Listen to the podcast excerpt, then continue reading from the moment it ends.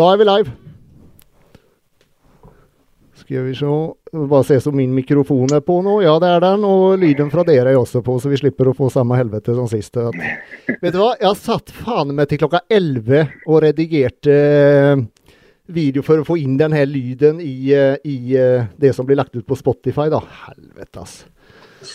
Så nå har jeg skrevet en sånn huskeliste at jeg sjekker at alle mikrofoner og all lyd er på, så slipper vi å få det problemet der.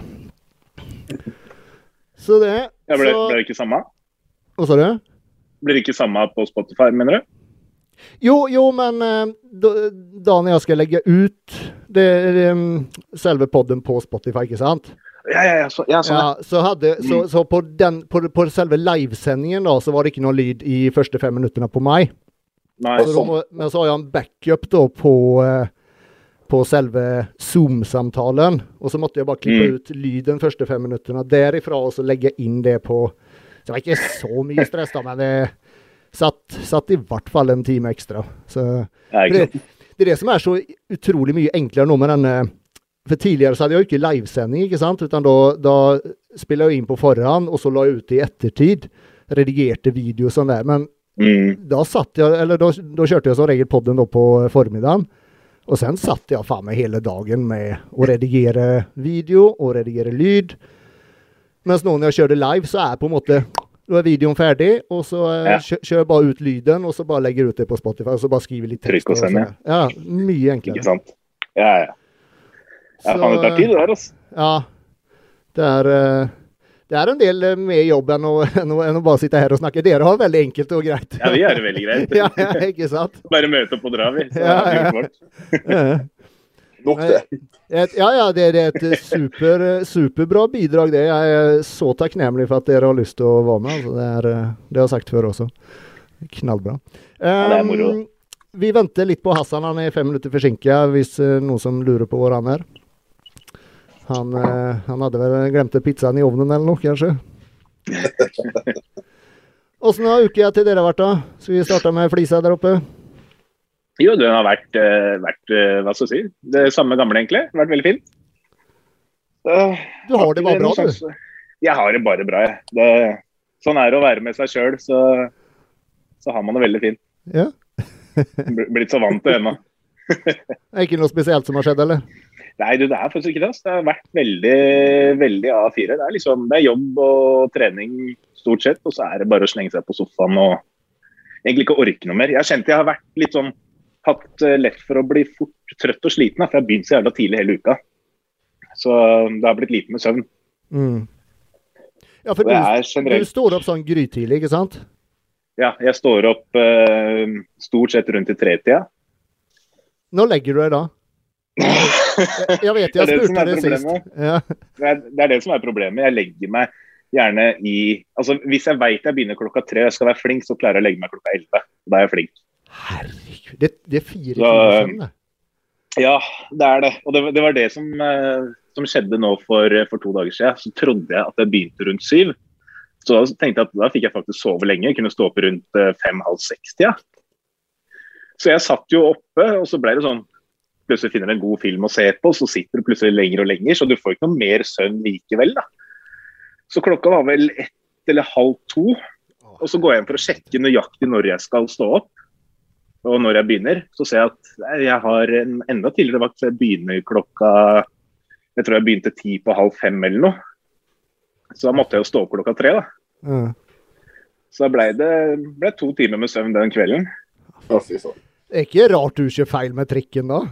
Jeg, jeg er mer skjerpa jo trøttere jeg er. Det er det som er problemet. At eh, Jo mer opplagt og glad jeg er, jo mer sitter jeg i min egen verden og sitter og tenker, og så ser jeg noe jeg kjører forbi. og så Da er det liksom, det er helt med, da.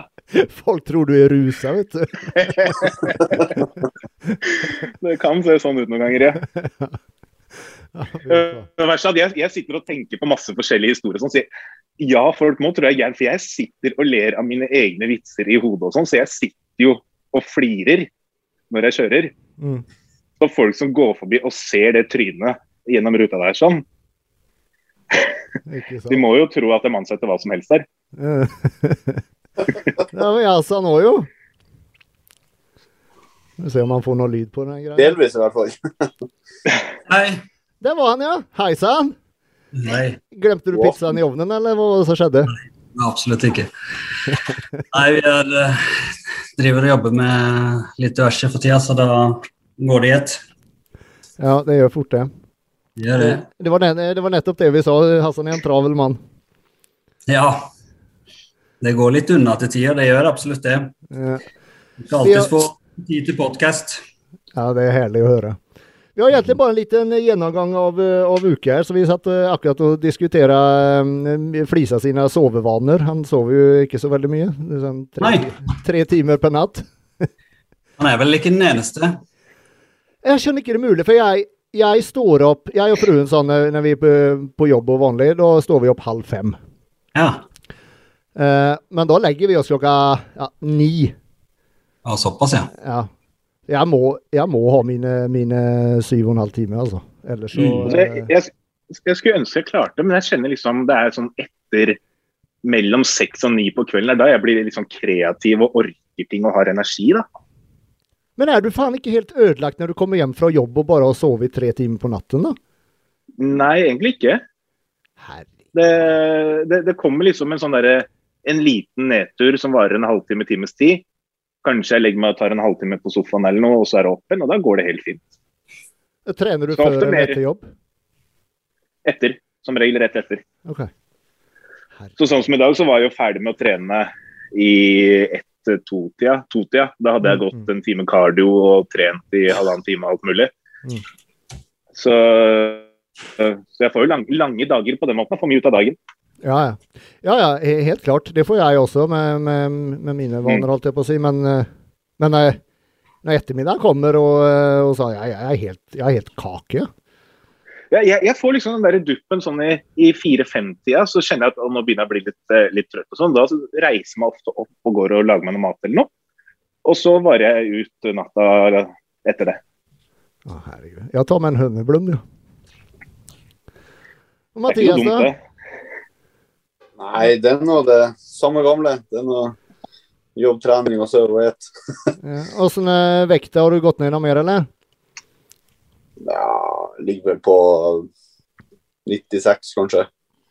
Det går sånn sakte. Ja. Men du, du ser relativt gode forskjeller i formen, da? For jeg mener, du, du var jo i bra form da du starta.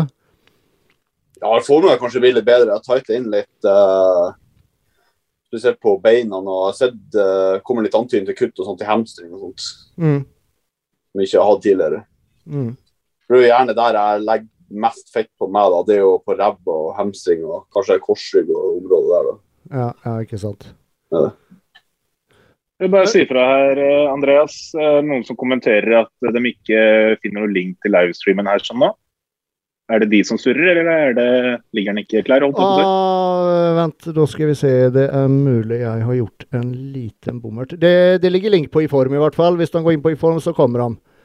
Eh, okay. Men det er mulig at jeg har satt den som ikke oppført. Jeg skal gå inn og sjekke det direkte her. Skal vi se uh, YouTube-studio. Faen, da. Jeg glemmer mye rart om dagen. Jeg har blitt helt senil. jeg. Ja, ja, men jeg ligger faen ikke Det var noe tidlig. Her skal vi se. Yes, den står som ikke oppført. Da tar vi den offentlig. Sånn. Nå finner han den. Sånn. Da, da, da skal den gå å finne, i hvert fall. Så bra. Min, eh, min feil. eh, Beklager det. Uh, jo, hva var det jeg skulle spørre deg, Mathias? Uh, jeg, jeg, når jeg begynner på diett, så er jeg ofte sånn just i forhold på treningen. Jeg liksom får sånn skikkelig ekstra motivasjon. Blir, blir bare sterkere i gymmet, og, og Mm. treningen går bare bedre når, når du først begynner på dietten, ikke sant? Får du, Ja. får du samme greia der? Ja, det er jo, det er jo som jeg nevnte i uken, tidligere. Jeg har jo persa alt som er eh, Ikke siste måneden. Mm. Så jeg prøvde å roe litt ned på det nå, da. Så litt, i hvert fall. Ja. Relativt. Man blir så gira, vet du. Ja, man blir det. Mm. Så spiser jeg liksom akkurat nok mat til at jeg kan dra på skikkelig enda på treninga. Så jeg må bare utnytte det mens jeg har det. Hvor, hvor høyt ligger du på kaloriene nå? Jeg ligger på samme som sist. 4-2 ish. Ja, faen, det er mye. Pluss eh, et frimåltid i uka. da. Jeg tar ikke en hel spisedag, men jeg tar en kveld jeg spiser et måltid, kanskje en liten dessert eller noe sånt. Ja, men jeg tenker på, på 4200 kalorier så er du vel ikke så veldig Går rundt og er så særlig fysen eller sulten heller, eller? Jeg kan rekke å bli sulten, ja. i hvert fall på dagtid når jeg er på jobb og sånt. Ja. Gjør det. Men du sover mer enn tre-fire timer? Ja. Men jeg legger meg ikke klokka ni, da, som 70-åringene gjør. Rolig nå. Rolig nå. Ja, jeg trenger helt ikke stå klokka fem, da. Nei. Nei men for jeg begynner Eller jeg kan egentlig begynne når jeg vil på jobb, ikke sant? Men så har vi den jævla Oslo-trafikken, så, så enten så må jeg eh, komme av gårde sånn halv seks hjemmefra for å slippe unna, eller så må jeg vente til etter halv ni, altså, for ellers Derimellom så er det ingen vits å kjøre, for da sitter jeg i trafikken i halvannen time inn til Oslo. Det begynte å bli ganske ille i Trondheim òg, faktisk, på morgenrushet. Det, det, jeg skal si det, når jeg er i Trondheim og jobber, det er en drøm å sitte i, på, morgenen. Det, det er jo faen ikke trafikk der. Kan faen ikke sammenlignes med Oslo, altså. Med Oslo. Nei, det, Det kan du ikke. det går Du står der ikke. i kvarter, jo. Kvarter. Ja, fy Da går jeg på nærbanen, i hvert fall. Eh, Kvarter er trafikklys i Oslo. Ja, ja, ja. eh, Oslo er helt jævlig, altså. Iblant så står det hele veien mot, på motorveien fra Drammen og, og hele veien inn til Oslo, altså. Og det går i sneglefart, og det er to, to og en halv mil cirka. Nei, fire mil er det faen meg. Så eh, Nei, det er ingenting i Trondheim. Skal- Dårlig logistikk der nede. Ja, et eller annet er gærent i hvert fall. Jeg, skal faktisk opp til Trondheim nå til uke, på mandag. Mandag til onsdag blir det vel. Ja. Vi om jeg får rekker å komme innom en tur. Det blir så jævlig på tirsdag. Ja, vi får se. Mest sannsynlig så må jeg trene før jobb om jeg skal orke. For det blir fort sånn 12-13 timers dager, og jeg, jeg orker bare ikke å trene etter det. Ja, men vi har, har en sånn PVO fra Polen, så det går fint. Den, den under disken. Ja, og litt under disken. i hvert fall. sånn i gråsonen. ja, det er bra. Der liker meg best. Ja. Hasan, da? Travle dager? uka har vært uh, veldig hektisk. Eh, jeg og tre andre som holder på med litt med krypto og trading og sånne ting, har uh, plutselig funnet på en sånn gal idé om å starte en egen eh, coin. En sånn, eh, en sånn meme-token, da, som de kaller det. Så vi, eh, vi lunsjer den faktisk til mandag. Det er Valhalla-token, og det, den er tilgjengelig på mandag for kjøp og salg, holdt jeg på å si. Yes.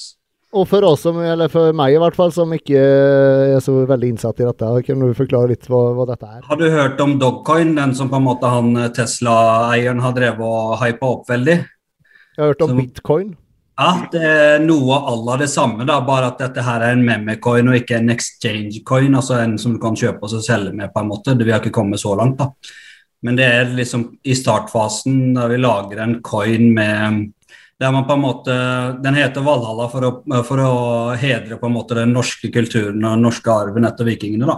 Mm. Uh, og så Det var egentlig en sånn morsom greie som vi fire var på en måte satt, satt sammen, og så plutselig så bare eskalerte det seg ekstremt, og nå har det blitt eh, helt dønn seriøst. Så er, den kommer på diverse sånne coins, nye coins-plattform som heter PancakeSwap, og, og vi har fått faktisk eh, forespørsler fra flere sånne exchange-greier der de kan kjøpe oss og selge om og eventuelt lunsje den der. da. Det, det, kan bli, eh, det kan bli mye jobb, for å si det Men, sånn. men for meg som er da helt idiot, det, det er ikke snakk om en fysisk coin, utan det er kun sånn Det er en kryptocoin, altså en, eh, en, en coin som, er, som, er, som går via nett. da.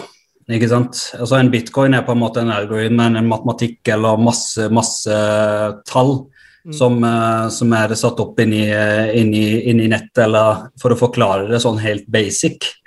Eh, og det er, det er jo liksom det som er det nye og det store som er inne nå. Og det blir jo overført ganske fort kontra hvordan man gjør med vanlige penger, da. Så Det er sånne ting som man på en måte går inn. Så vi går inn i en børs nå som er PancakeSwap. Du kan kalle det en børs. da. En coin-børs som uh, kan kjøpe og selge. Og Det er som sagt en meme-coin for å hedre på en måte den norske, den norske kulturen og historien uh, og arven etter vikingene. Så et veldig spennende prosjekt. Har lært ekstremt mye, og det er ekstremt mye å sette seg inn i. Men åssen, åssen, åssen uh, For jeg, jeg, er altså helt idiot på sånt her. Ja, ja, ja bare spør. Hvordan, hvordan uh, Eller dere da starter en coin. Er det på en måte da at dere putter inn x antall kroner, og så blir det på en måte at alle får, som er med i dette, får aksjer, da, eller coins, eller hva man skal kalle det, og så kan man selge dem sen, da, eller?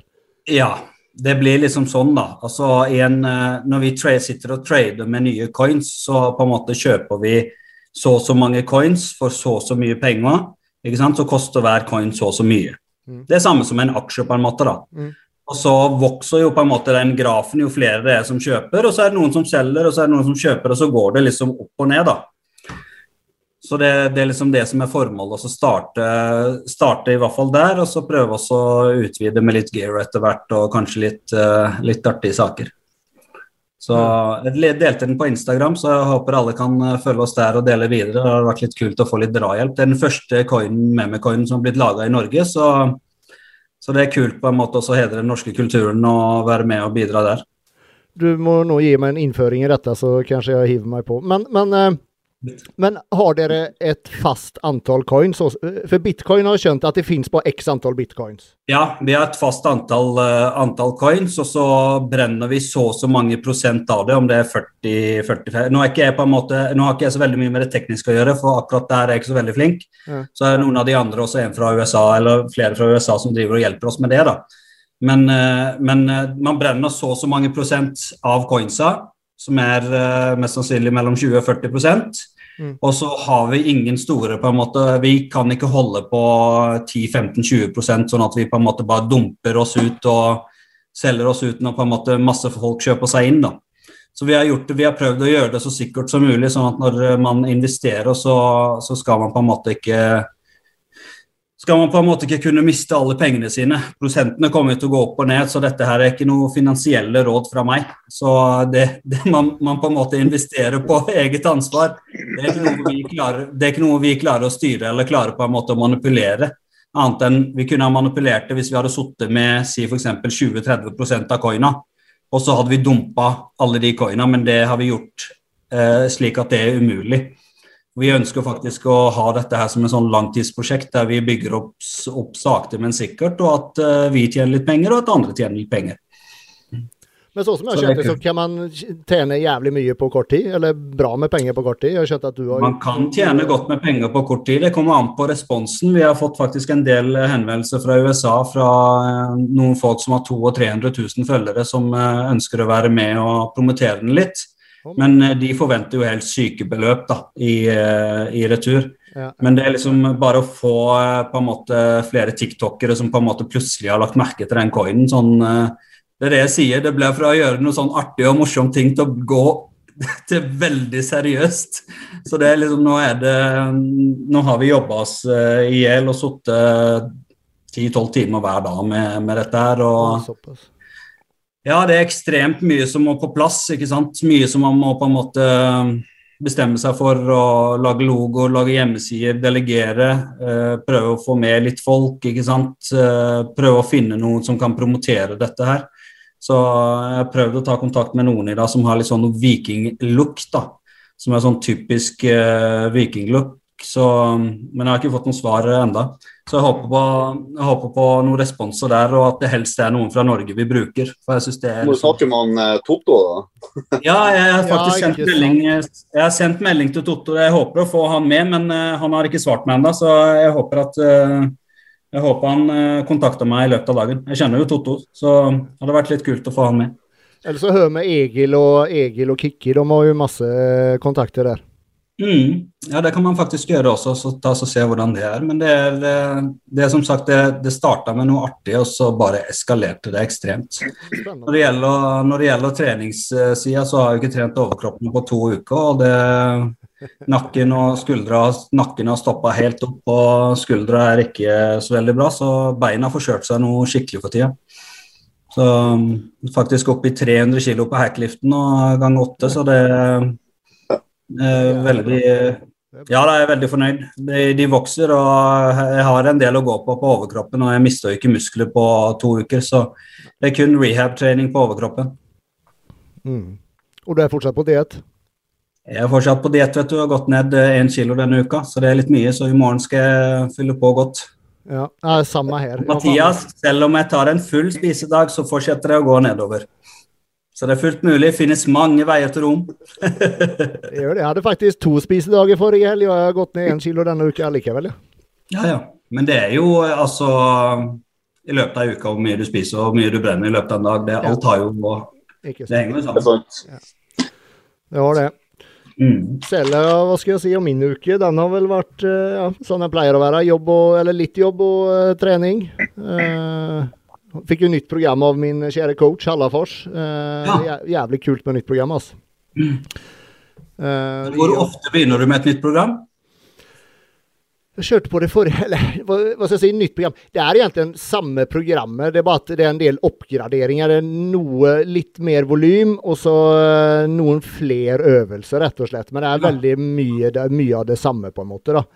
Mm. Uh, men det skal liksom bare små endringer til, og så merker motivasjonen bare gå rett i taket, altså. Mm. Bare få litt, få litt nye inputs. Ja. Sen uh, Sen jeg må fortelle, jeg hadde på Skal vi se på Min kjære hustru har jo bursdag i dag, ikke sant? Gratulerer med dagen, to. Gratulerer med dagen! hun er liksom tvert om mot meg. Jeg, jeg, er sånn rimelig glad i oppmerksomhet og liksom veldig aktiv på Facebook og Instagram. Hun er tvert imot. hun hater oppmerksomhet. Ja, ja. så i dag når vi kom på gym og skulle trene, så visste jo hele gymmet allerede at hun hadde bursdag. Så alle gikk og sa gratulerer med dagen, hun, hun bare ville gjemme seg, ikke sant. Ja. Men i hvert fall på, på onsdag så måtte jeg ut uh, og finne gave til henne. For jeg er jo sånn at jeg venter alltid til siste dagen omtrent med å finne gave. Og da var det en tur på Sandvika storsenter. Og jeg er den personen som hater å gå i butikker, og jeg hater kjøpesentre, og det er varmt, og det er mye folk. Faen, ass. Det er hat. Åssen er dere i kjøpesenter og sånn? Er dere likedan, eller?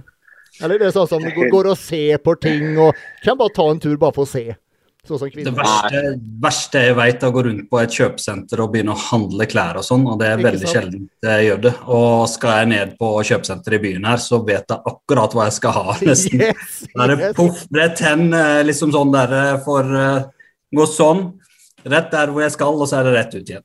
Ja, er det samme her. Og Det verste er når man må begynne å prøve klær og sånt, for blir, man blir så jævla varm og svett, og svetten mm. renner, og, og så er det alltid så jævla varmt i de her butikkene. Ja, ja. Det er helt jævlig her. Ja.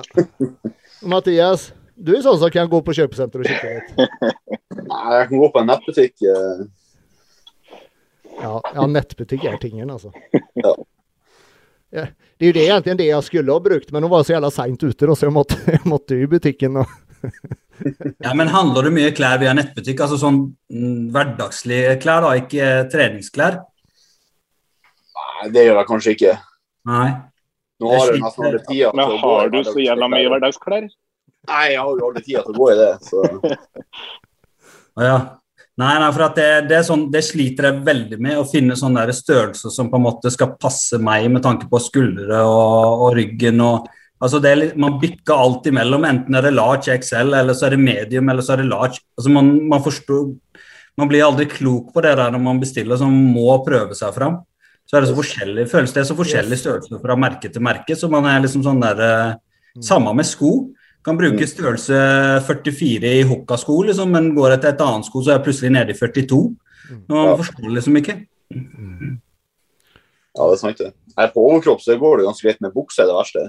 Ja. For jeg har 30 eh, i livet, og så har jeg i lårene så tilsvarer sikkert 42 i livet. mm, ikke sant. det, det er jo ingen bukser som er laga sånn. Hva med deg, Marius? Kjør pent. Du kan vel sende en melding senere. Det kan ikke akkurat si at jeg er veldig glad i kjøpesenterskjern, nei. nei. Det, um, nei, jeg deler, deler Andreas sitt syn, eh, egentlig alle synspunkter der sånn. Ikke glad i folka, ikke glad i å gå i butikkene, det er altfor varmt og det er eh, Det er helt grusomt å være der. Jeg, jeg, blir, jeg, blir, jeg blir så fort sliten av å gå inn der. Samme her. Det er et eller annet med liksom beina og ryggen blir det. Du, du får så vondt i ryggen idet du setter foten innafor kjøpesenteret. Ja, ja. Jeg, jeg veit ikke om det er kroppen eller om det er vilja som svikter, men uh, det gjør gjør Det vondt. en god kombinasjon, tenker jeg. Det er helt grusomt. Det er helt grusomt.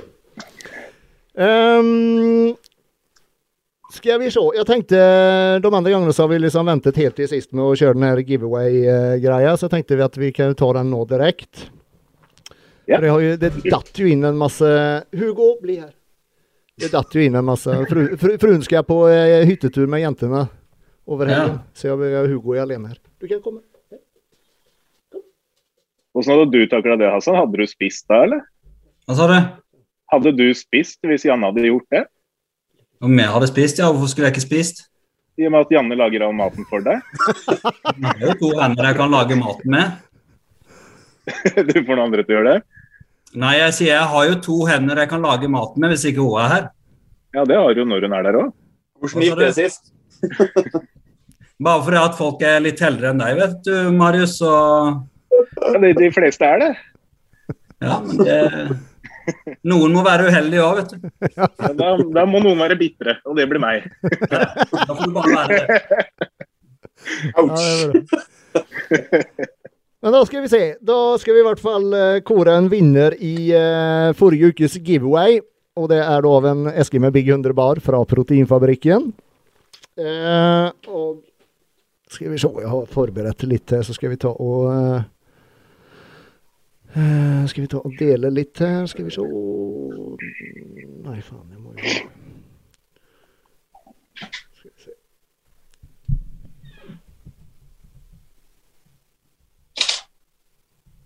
Bare lage meg en liten kaffe i mellomtida. Gjør det.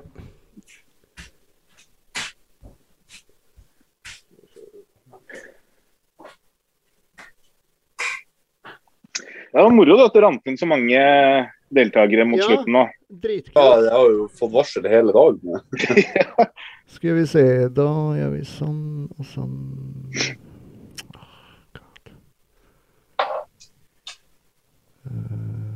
Ja, det er veldig kult. Skal vi se, da ser dere den, ikke sant? Så må Ja. jeg bare dele i livesendingen her også. Nå forsvant jo han som kan lese den teksten, da. Ja. Her skal vi se. Sånn. Nei. Der. Uh, skal vi se. Vi gjør sånn. Og så åpner seg ikke Der. Det er Bra form hos frua di, da, Andreas. Ja da! Hun, eh, hun er i veldig bra form.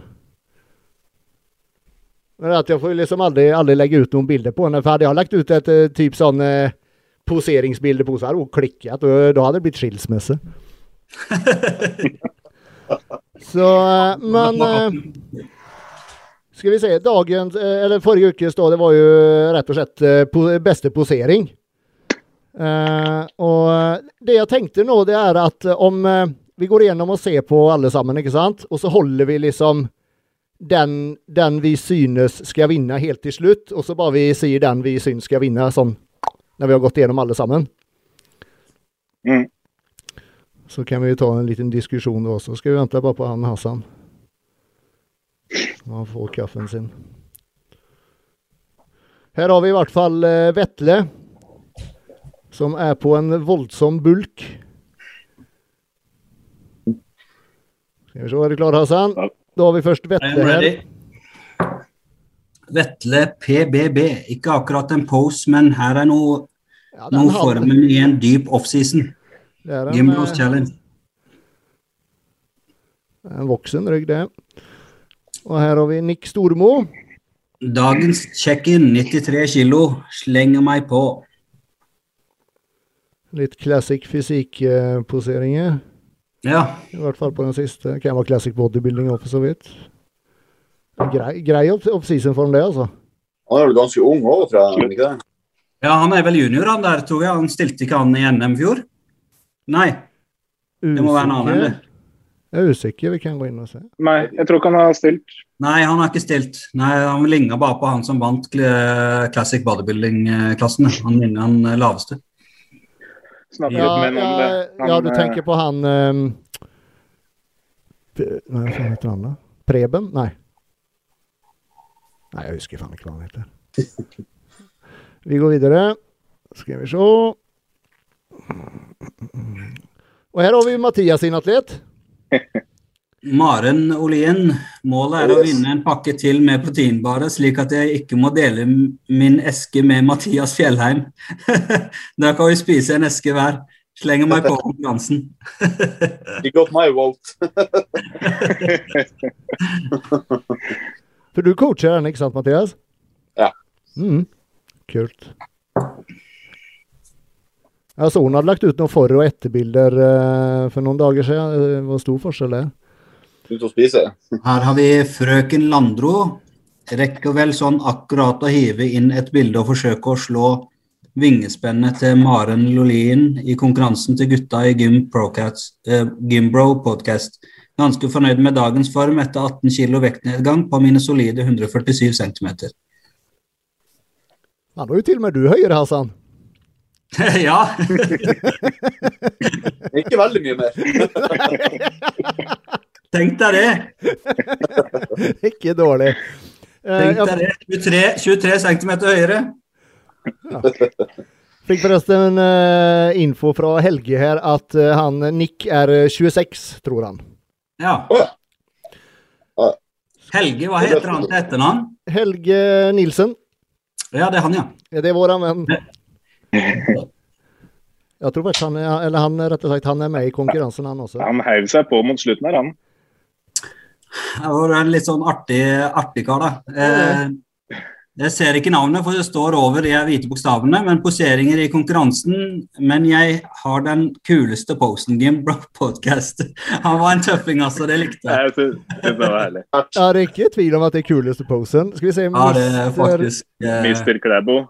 Jeg skal, jeg skal gå inn på Instagram. Ja. Det var litt vanskelig å se det navnet når uh... Ja, teksten havna inni der, ja. Ja. Mr. Klebo. Klæbo. Yes. Han eh, Ja, den der var dritbra. Det Ja, var, eh, var herlig, eh, herlig tilskudd. Drittøft. Vi går videre. Han driver med, med styrkeløft, han der. ja. Ah, Så akkurat nå så er han på en, en diett for å komme litt, litt lenger ned i form etter å ha spist seg litt, litt mye opp en periode. ja. Nei, faen, nå eh, gikk det veldig fort her. Nå skal vi se. Og her har vi Lasse Tellnesen. Synes det er veldig kult det Andreas i form.no får til med podkasten. Fortsett den fine jobben. Så henger med på Posing Challenge. Han har jo en eh, grei fysikk, grei utgangspunkt til å bli noe bra. Han Holder på andre til høsten, tipper jeg. Ja, Hæ? stemmer. Ha, har, har ikke han stilt? Jo, minst fysikk tidligere. Er det? Ja. Okay. Han passer vel inn i classic bodybuilding, tenker jeg, og ikke classic fysikk enda. Jeg vet ikke om han utfyller på en måte Nei, han skal ha classic bodybuilding. eh. Mm. hvilket teamkiller han får. Eh, Jeg tror jeg har snakka med han tidligere. Jeg tror han spurte om noen tips tidligere. Jeg tror han er på 24. Jeg tror han blir coacha av eh, Amir, faktisk. Ja, det er 24, ja. Ja. Jeg er inne på, eller på Instagram hans nå. Ja, fin, fin ramme, altså. Ja, han hadde en fin, eh, fin pose. Ja, Passer bra inn i classic bodybuilding der, sånn. absolutt. Ja. Jeg må vel ha litt mer masse for å komme inn i classic eh, fysikk, altså. Men, Ja, eh, og det sier han jo sjøl også. Jeg snakka litt med han om det i stad. Og han føler det selv at det mangler liksom litt til classic fysikken, men Mm. Ja. Han, eh, han, han skriver forresten til meg her at eh, han trenger ikke vinne by the way. Han prepper mot Sandefjord og NM, så, spiser ikke, så han spiser ikke noen bare nå. Skal vi se. Og her har vi da vår venn Helge. Han er grov, altså. Anbefaler alle som er interessert i fitness bodybuilding å høre på podkasten til Andreas i form.no, Gimbro Podcast. Første poseringstrusebilde på Insta. Han har en lys framtid. Han uh, har sett utviklinga til uh, nå en liten periode, og det er Ole Kristian Vågå som driver og følger han opp. Og fortsetter han sånn, så tror jeg i løpet av en femårsperiode så kan han bli en profesjonell eh, bodybuilder. Men da må han på en måte modnes litt mer i muskulatur og, og bygge litt mer. Hvor mye, hvor mye, veier du, Helge? Jeg regner med at han sitter og følger med her. Og hvor høy er du? Vekt og, vekt og høyde? Men han er open bodybuilder. Det ser du jo at ja, han, ja, ja. han, kommer til å bli en open bodybuilder. Han har jo genetikken til å bygge mye masse. Han er, og han, det virker som at den uh, lettspreaden der uh, At ting har sittet på riktig plass, for å si det sånn. Han holder veldig grei offseason-form. Mm, absolutt. Det var noe helt sykt, og så ser han mer enn poseringstrusa, for at det tror jeg ikke jeg har sett før. Så det, det viste på en måte ja, midja, låra Det var mm. liksom helheten og fysikken i den posen uh, var noe helt annet enn uh, hva jeg har sett tidligere. Så det var veldig kult å se. Ja, for Det er helt sykt når du først får, på poseringstrusa, hvor mye mer sweep du får på, på låra, ikke sant? I stedet hvis ja, ja. du står i en bokser. Det er jævlig stor forskjell.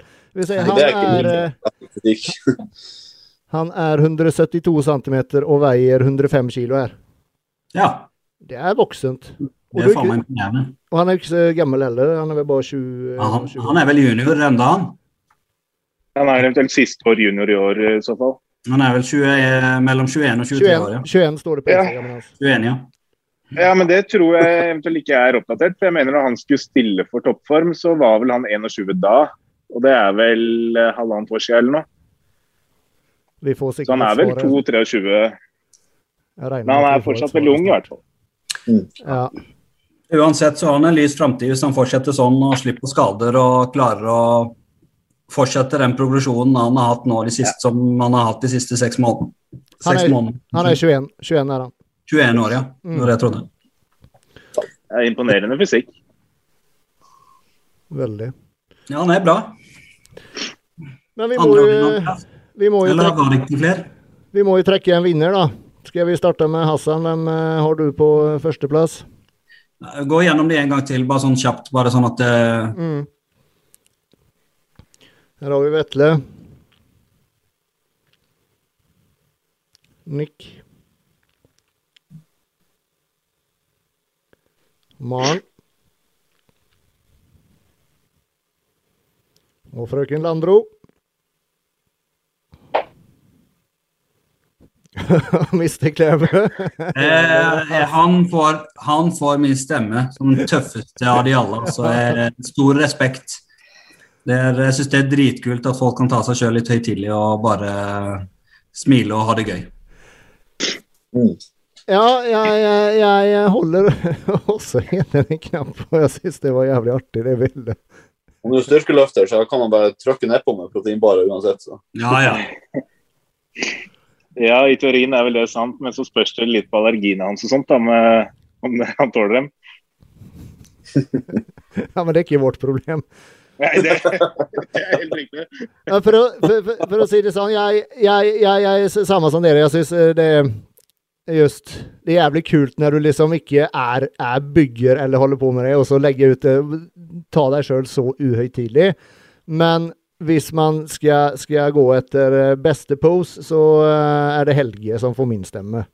Jeg beklager, jeg tror jeg sa høytidelig i stad. Jeg skulle si uhøytidelig. Ja, ja, uhøytidelig. Bare rette på meg sjøl.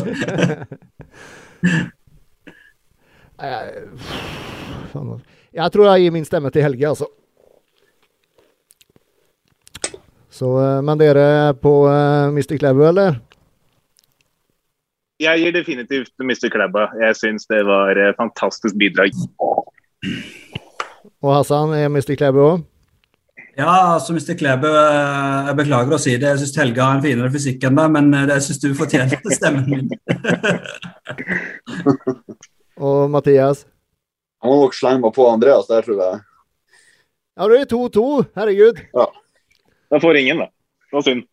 Da må vi, da må vi Men vet du, vet du hva? Helt, altså, det her er jo på en måte en uh, bodybuilding og fitness-greie, så Helge, du får min stemme. Jeg beklager. Jeg beklager, Klebe. Jeg tenker at det er uh, Hvis det blir 2-2, så heller og heller stemmen min mot Helge. Uh, Helge, egentlig. Ja. Ser ut som han kan trenge litt bare på veien opp til målet. Helge selv sier at, eh, at han, Mr. Klæbu sin, eh, sitt bilde var genialt. Han fortjener det. Jævlig bra. det var vanskelig der. Det er liksom hva skal man gå etter? Men, Altså, eh, Klæba sitt var jo dritkult og på en måte ganske uhøytidelig. Og det syns jeg er kjempetøft av han også å gjøre det på en måte i en uh, fitness- og bodybuilding-podkast. Men, uh, det det. men Helge har jo på en måte den beste posen og Ja. skrevet godt. Og jeg vet ikke. Er, uh, med med tanke på at det er 2-2, så heller stemmen min mot Helge.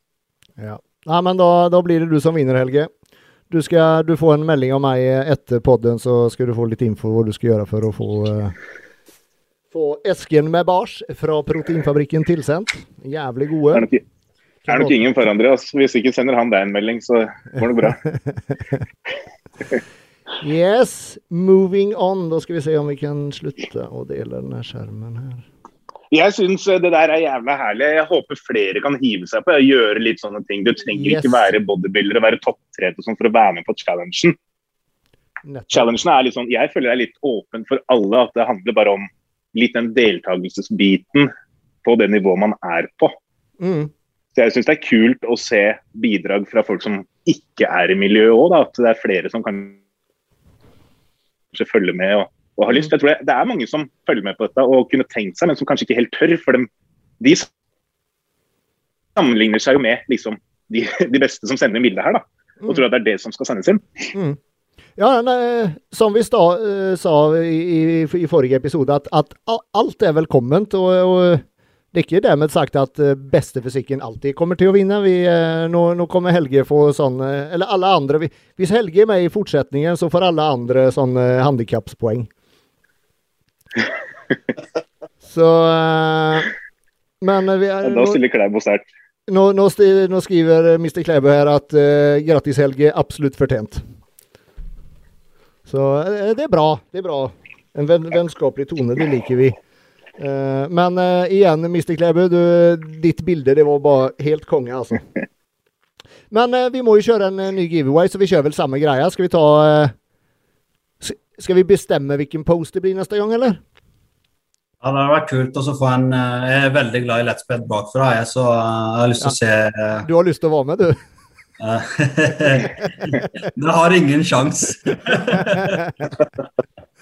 Så selvsikker kan jeg vel være. Kan, Beste legger. ja, beste legger, ja. Ja, den stemmer jeg også for. OK. Beste legger neste gang. Den som eh, men, men skal det bare være av leggene, eller skal det være en pose der man viser leggene, typ?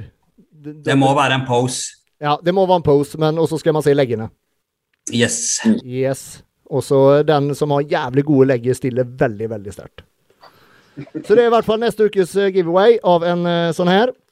Eh, og da tagger dere oss fire gutter. Dere finner adresser og sånt i beskrivelsen under podden. Eh, og så tagg også Proteinfabrikken eh, understrek no og i form understrek no. Og så kan vi hashtagge Gymbros podcast. Så trekker vi en ny vinner neste gang. Moving on. Eh, jeg eh, Jeg satt og kikka litt på eh, På svenske landslaget, som de sender nå ned til eh, EM. Mm. Har dere sett det, eller? Ja. Det, start, det starta egentlig med at Mathias sendte meg et bilde av en kar uh, som skal stille nå, Kalle Bolund. Er det han i Classic Bodybuilding, eller? Ja, Ja, klassisk klassisk fysikk. Ja, class ja, ja han er, jeg snakka litt med han. Han er helt rå. Helt det sinnssykt. Han har en uh, fysikk i verdensklasse, og uh, hvis ikke han vinner EM, så da må det komme en, ta- en helt syk talent. Ikke sant? Eh, Så jeg skal bare klargjøre her. Eh, Det, må, må ikke legge ut bilder på fredager, eh, det som er med i eh, challengen, utan det kan være når som helst under uka. For så lenge dere har tagget og sånn, eh, så at jeg får det, så, så bare jeg sparer det bildet, så er det med i trekningen. Så man kan eh, altså da legge ut det bildet om det er så på mandag eller onsdag eller når som helst. Så, eh, så bare keep them coming. Eh, tilbake til Kalle. Skal vi, eh, skal vi se på Skal vi gå inn på Instagram og kikke litt, eller? Mm. utrolig hyggelig så- eh, kar, altså han eh, Kalle. Jeg har snakka litt med han. Så også Svenske forbundet hadde gjort en jævla kul greie med å lage ut en introduksjonsvideo av alle deltakerne som skal ned til EM, Yes. som ligger på storyen og sånt. Det syns jeg var jævla kult. Skal vi se, Jeg skal bare Samir er vel også snart klar for eh, fight. Det er vel ikke lenge til det. Ja, faen. Nå i helga, det. Ja, stemmer. Det er i morgen han skal på scenen, tror jeg. Ja, Indie Pro. Ja. Jeg håper han, Nå har han jo tatt et år uh, fri, så han ser sinnssykt bra ut. Hvis han får fylt på ordentlig nå og kommer inn tørr og hard, så håper jeg han kan gjøre det bra. Altså. Ja, fy faen. De beina hans er misunnelige. De beina. Er altså. Topp. Jeg husker jo Samir i, eh, når han på en måte bodde i Norge og stilte i Norge. Det var uh, Gud, og han har utvikla seg siden da. Den, mann. den, den framgangen han har hatt siden han flytta ned til, til eh, Dubai, altså. Det, det Jeg synes det er så utrolig fint at når de på en måte når en slik, på et slikt nivå likevel holder seg like jordnære og, Mm, mm. og har, er på en måte like hyggelig å prate med og høflig. Og det, det er så fint at man på en måte klarer å ha beina planta på jorda. Det er så viktig. Det Det er det. utrolig flott uh, kar. Skal vi se. Nå skal vi ta og finne han Kalle Bolund. Kalle Bolund Der. CB Flexter. Fy faen, han er i form, altså. Se her, da. Ja, det, det var jo sånne videoer da, som svenske forbundet la ut på, på Facebooken, ikke sant? Og det, det er hver, hver utøver fikk en presentasjon på en måte, da. Mm. Det er jævlig kult. Og de er ganske mange. Jeg tror faen de er en De er noe nærmere 23. 23, ikke sant? Og det er jævla mye bra utøvere også. Ja, det tror jeg er bra. Men nå snakka jeg jo litt med han. Han sa det at de har ikke noe karantene, ingen gym som er stengt. Det er liksom ingenting. Her uh, har vi jo helt andre regler enn det Sverige har. Og Se på den lettspreaden hans. Det er jo det er helt insane. Den midja. Ja, det er helt er insane. Han har, eh, at han har klart å holde på den der fylden og være så på en måte så hard og, så hard og fin, det, det er imponerende. Ja, for han, er, han er virkelig helt skrapa. Hvor mye tror du han veier? Og ikke rundt 90 kilo, tror jeg. Tenker det. Han er ganske tung. Han er ikke så høy heller, tror jeg. Nei. Han må Så han, slite jeg tror han måtte slite litt for å klare vekta. Ja, ja, ikke sant? Han virker veldig dedikert og flink i det han gjør, så jeg tror han kommer til å klare det fint. Jeg tror Altså. han skulle stille minus 90 òg i klassisk fysikk, hvis jeg ikke tar feil. Ja. Han stilte jo klassisk bodybuilding tidligere. Da har han gjort det i bra mange år nå. ja, men han har vel vokst ut av det. Ja, ja. Det er ikke noe tvil om. Mm. Det er fin fysikk på han, altså. Altså Ja, det er ikke mye svakheter.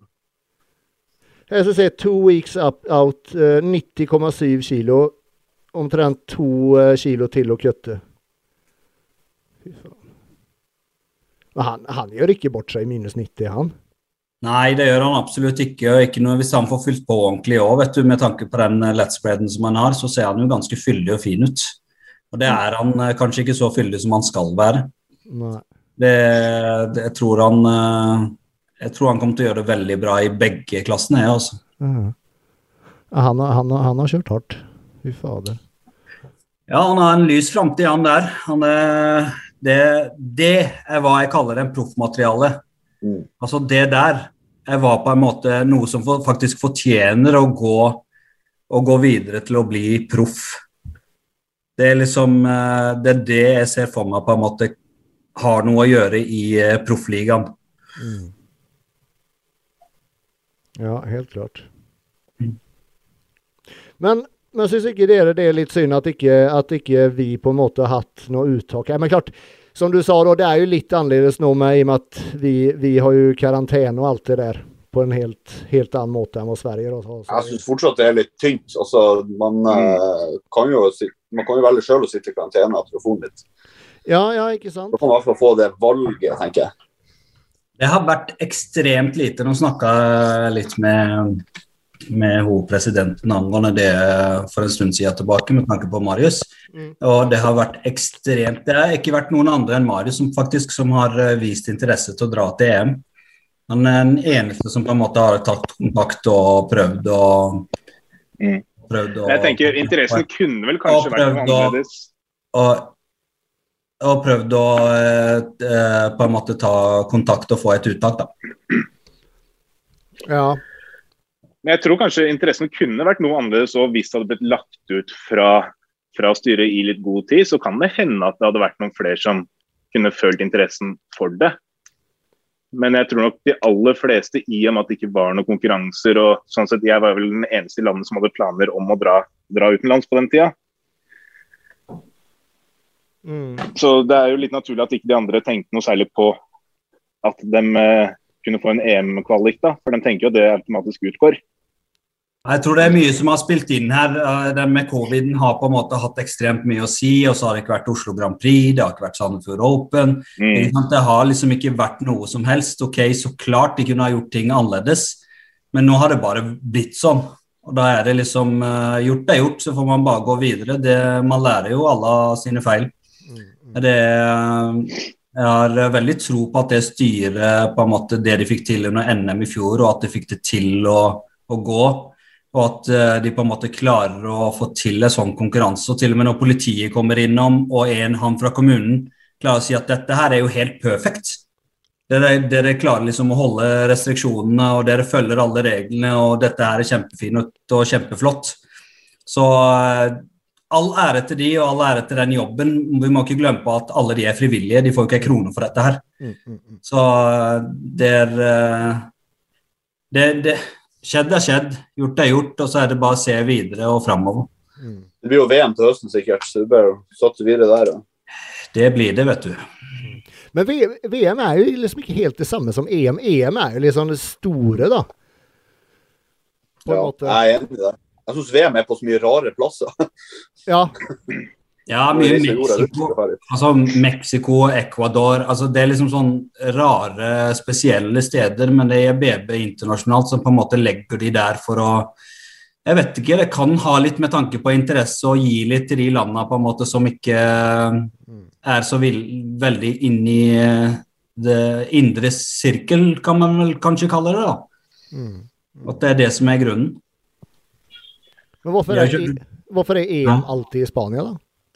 Det EM i Santa Susana har på en måte det, Den plassen Santa Susana er tilrettelagt eh, nesten for sportsarrangementer. Altså det, det er liksom vært i alle år, og jeg tror at eh, det er liksom bare blitt en greie å ha det der, og så har det fungert så godt eh, å ha det der òg. Mm. Det er liksom 50-60 km fra flyplassen, hvis jeg husker riktig. Eh, hotellene og arenaene er ikke så langt ifra hverandre. Alt av hoteller ligger ved stranda. Det er ikke så mye butikker der, men jeg syns det var veldig koselig. og det, det var liksom Hadde man lyst til å dra til, til byen, om det var Barcelona, eller, så var det liksom Kunne man ta en taxi eller ta en buss ikke sant, hvis man hadde en fridag. Mm. Men eh, jeg, jeg mener at det er en genial plass å ha det på. Det er Så det. ligger jo IFB i Spania, så har vel mye å si, det òg. Ja, ja. Ja. Og så tror jeg det handler litt om penger òg. Det at man faktisk har det 50-60 km fra Barcelona, utgjør litt på prisen kontra hvis man skulle hatt det i Barcelona, alt det stresset. Eh, det er forskjellen med tanke på rushtrafikk eh, Barcelona-Oslo, altså. Det er enda verre enn Oslo igjen. Så- Så jeg tror at det, det handler litt om omgivelsene og plassen, og at eh, alt er på en måte så nærme hverandre og ting er så tilgjengelig. Mm. Jeg husker når jeg var med ned og dekka for Reform i 2019, var det da når han Erik eh, Ha vant jo overallen, Arti vant overallen, Tesen vant yes. overallen. Så var, jo- Mm. de norske gjorde det jævlig bra. Men i hvert fall, jeg husker veldig godt da liksom det ryske landslaget, de troppa jo faen opp med De var vel 100 stykker? I år er de 150. Ja, ikke sant? Det er helt sjukt. Det, det Det er helt man liksom. Ja, ja, ja.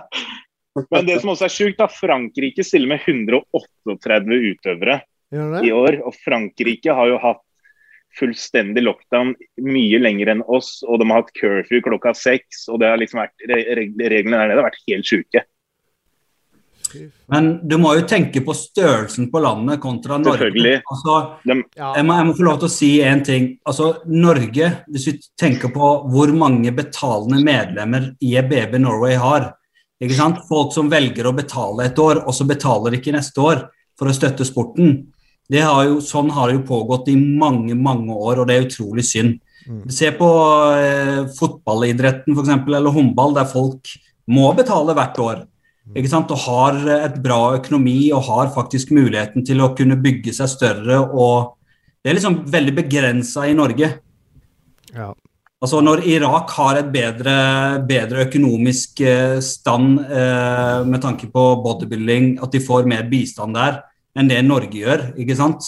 og at folk eh, betaler mer der enn det Norge gjør, eh, det vi gjør i Norge, det sier jo litt. Men sen, sen kommer jo også da all bare omtale i media og sånne ting òg. Jeg mener, det er jo ingen som bryr seg om bygging. Det er jo mer sånn uglesett, ikke sant? Folk ser liksom rart på det. Du bare se på TV 2 Nattavisa, sto det jo NM i doping. Ja, ja, ja. ja. Fan, Ikke sant? Det, det er sånn uh, vi blir sett på i Norge. Da. Ja. Og da blir det jo der. Jeg tror det er veldig er mye nå? Det er det skrevet nå, Mathias? Om NM Nei, det er vel, var vel 2015-2016 eller sånt. Ja, okay. Men eh, det er mye sånne overskrifter. Da. Det er jo mye sånn tåpelige Mm. greier. da. Ja, for de hadde jo. Politiet var jo innom NM eh, i fjor, og de hadde en raid der og fikk med seg en del stykker. Da var det bare én som ble tatt av alle sammen, og så klarer på en måte en avis å ikke få det fram. De får fram den ene personen som ble tatt på et helt stevne med godt over 100 atleter.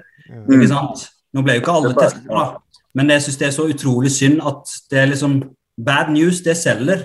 Det er liksom sånn der man skal, man skal på en måte ødelegge så mye som mulig, for at det, det liker folk å lese om.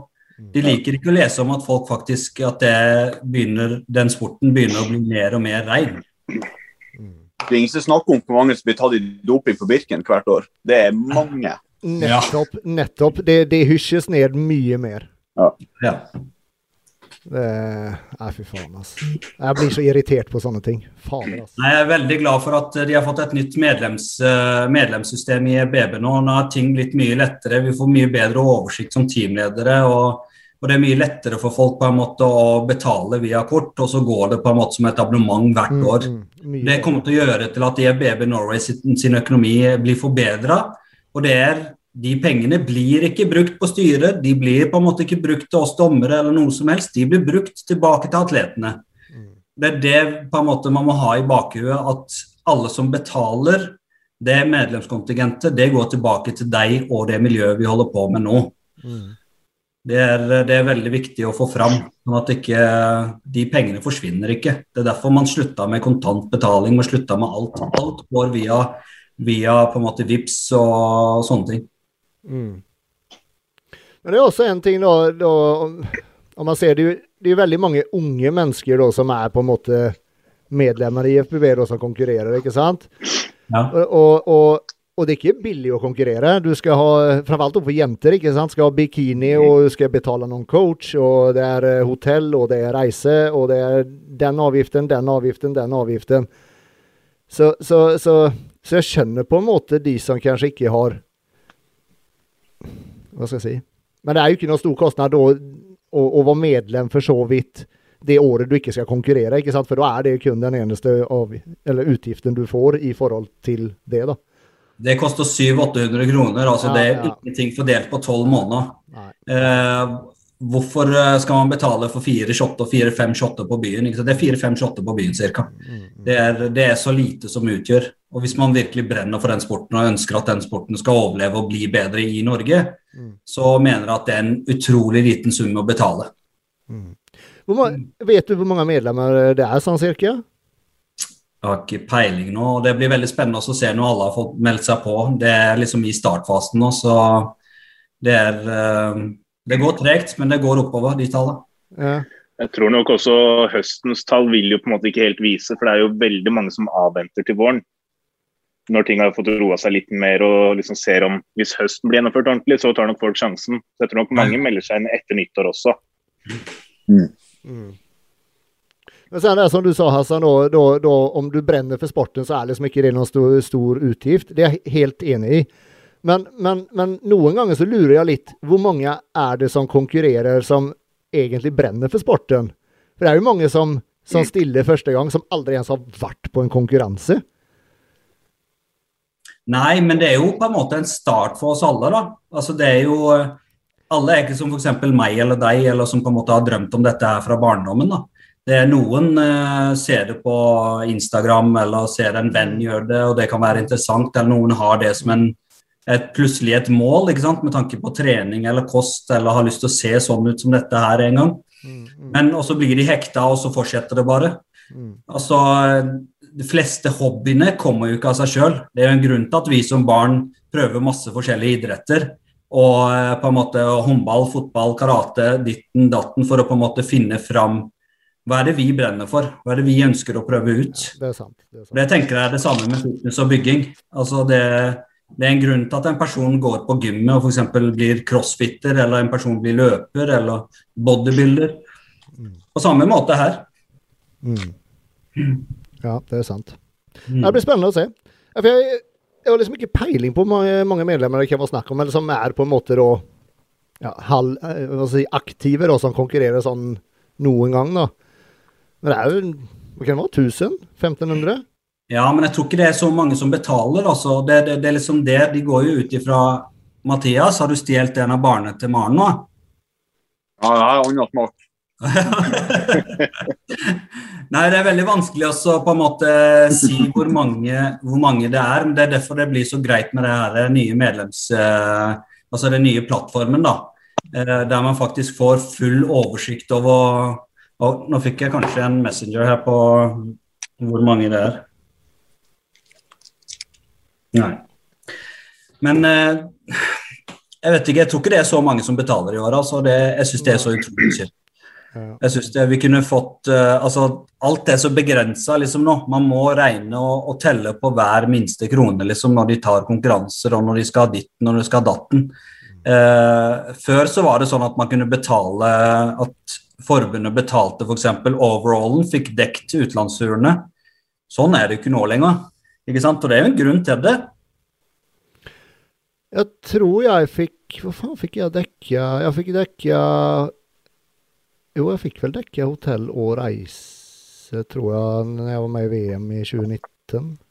Eller kanskje ikke hele reisen. Ikke hele. Ikke hele. Nei. Det tror jeg ikke. Jeg fikk vel betalt hotell, tror jeg, og så fikk Du fikk EBB-pakka, du. Ja, det er mulig, det. Ja, det er jo det de gjør til overallen, at de dekker på en måte EBB-pakka. Ja, ja. Det er det de gjør av og til, men nå var ikke dere så veldig mange, da.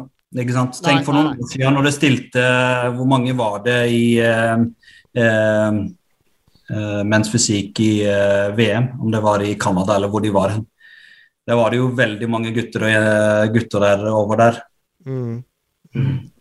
Så Ja. det er, det er liksom Økonomi er på en måte hovedbasen i ting i idrett. Hvis man ikke har penger, Ja, ja. hvis et forbund har penger, så kan man på en måte ikke Man kan ikke lage heftige stevner. Man kan på en måte ikke Man kan ikke gjøre noe på en måte ut noe mer enn bare en liten scene og noen høyttalere, liksom.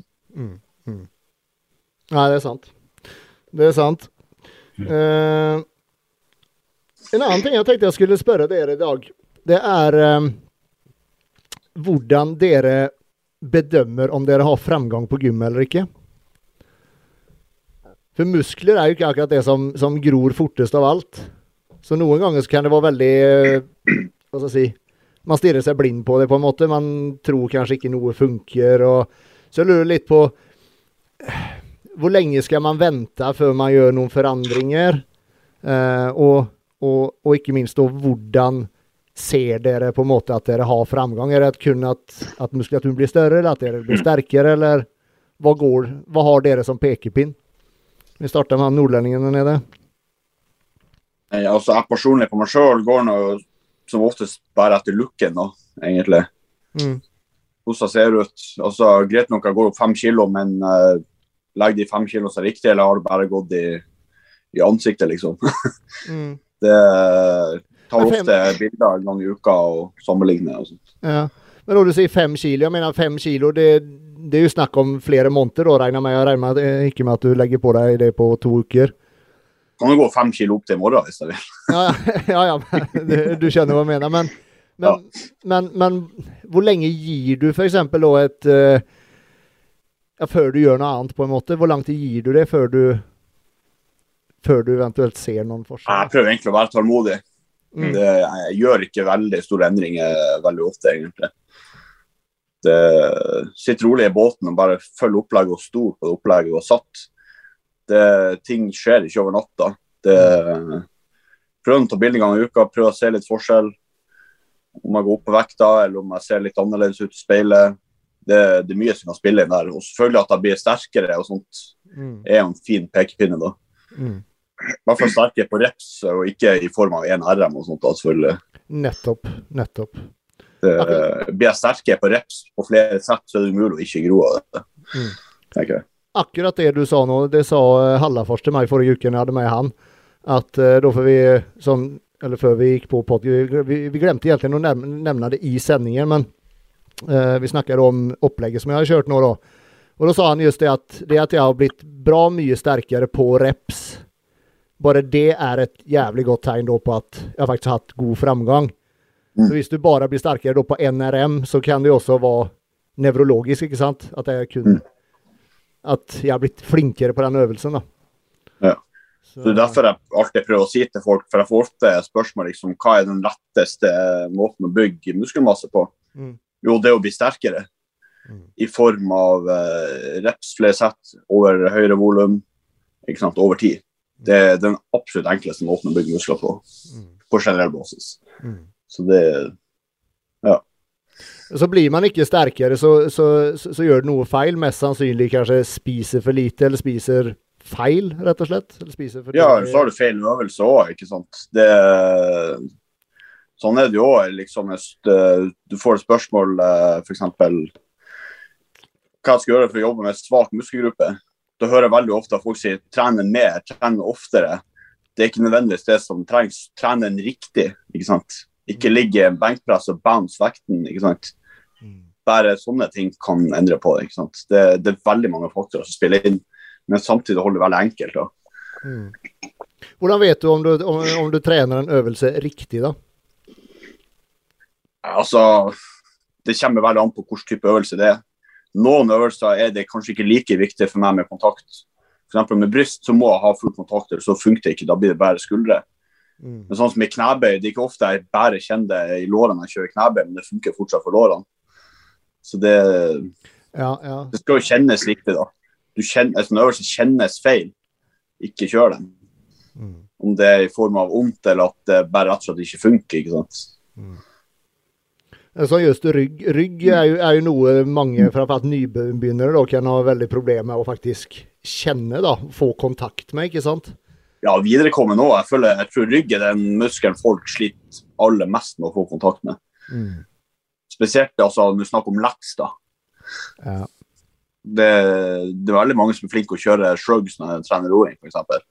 Sånne ting. da. Mm. Mm. ja, Og trene nakken jeg skal kjøre nedtrekk og pullups.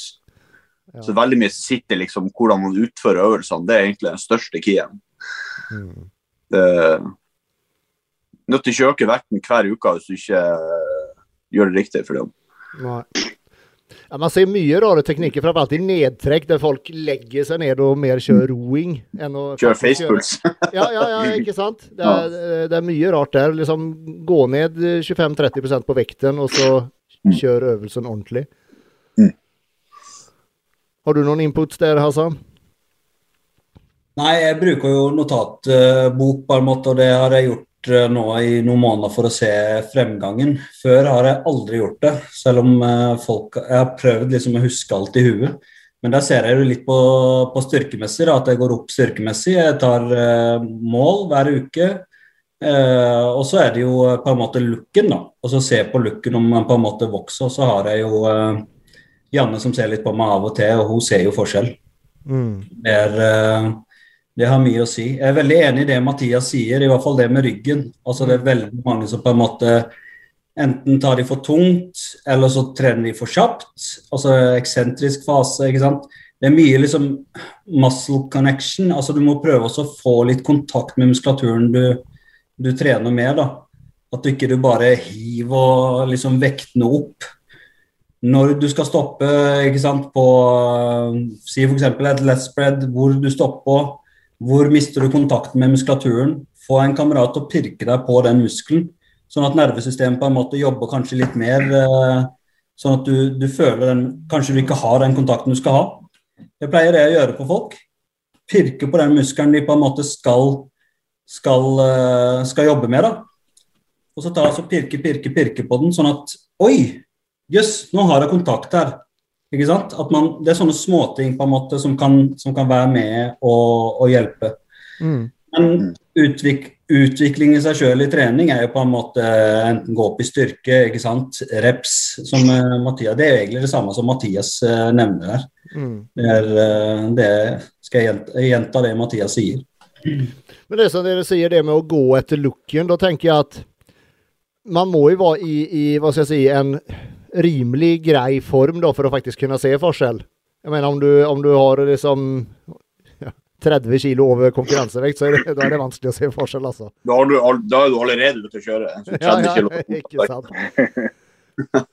men, men, det er jo også en ting. Hva, hva er på en måte akseptabel eh, Eller hva skal jeg si Foretrukket offseason-form, da? Det er jo veldig forskjellig fra person til person og hvor stor og liten personen er, hvordan personen ser ut, hvor fettet legger seg. ikke sant? Det har jo ekstremt mye å si. Mm. Noen samler det bare rundt magen og ryggen, andre er låra. Altså, det, det, det, er så forskjellig fra person til person. Mm. Snakker, eh, for min del så tenker jeg 10-15 kilo for meg har på en måte vært ideelt. Og der, det er der jeg har ligget meg på. Det er der jeg føler meg vel. Jeg har ikke behov for å gå rundt og være 4-5 kilo fra sceneform. Jeg føler på en måte ikke det, det passer uh, passer meg eller min livsstil. Det blir litt for heavy for meg. Og så er det forskjellig fra andre. Noen andre Jeg kjenner jo, uh, kjenner jo folk i Oslo som går 3-4 kilo uh, fra konkurranseform og kan gå på diett i en måned, og så plutselig så står han på scenen, liksom. Det er en, med en fysikkar. Det er litt genetisk òg, da, hvor, hvor ja, hva som er din naturlige kroppsfettprosent på en måte også, da. Eller hva, hva, som er din naturlige form, da. Men jeg personlig liker å på en måte i hvert fall kunne se kunne se magerutene, da. Hvis de begynner å bli borte, som de ble her nå tidligere i vinter, da, da, er det på tide å gjøre noe med det, altså. At man i hvert fall ser. Og Det er vel litt samme deg, Flisa, vet jeg. Du, du, du liker å, å, å være i rimelig god form. Ja, jeg gjør det. Eh, jeg, jeg blir jo veldig sånn jojo, da. fordi at jeg er jævla glad i sjokolade, og så er jeg veldig glad i ruter. så det blir litt den derre Du spiser deg litt opp, og så tar du litt, et sånt lite skippertak at OK, nå kjører vi på. Så går du ned det igjen, og så er det sånn svinger. Så i forhold til en type anbefaling, så vil jeg si rundt 10 kilo er liksom, det er en fin offseason-form for de fleste. Og så utenom det så blir det litt sånn smak og behag. For min del så ligger det på mellom fem og syv kilo over, kanskje, som på en måte ideelle vekta mi, i hvert fall. Da føler jeg meg veldig bra. Men det kommer litt an på hvor stor du er, da, eller hvor mye muskler du har. Jeg mener, en, en kar som er 100 kilo i konkurranseform, kan jo legge på seg mer og allikevel være i bedre Absolutt. Form, og vi, det vil alltid være masse, masse variabler sånn sett. Så det, alle, alle, spørsmål blir så vanskelig da, hvis vi skal gå gjennom alle mulige scenarioer, føler jeg, med, med hva, som, hva, som, kan inntreffe. Men det er absolutt for, for, noen så kan 10 kilo være veldig mye, og for andre så er ikke 10 kilo noen ting.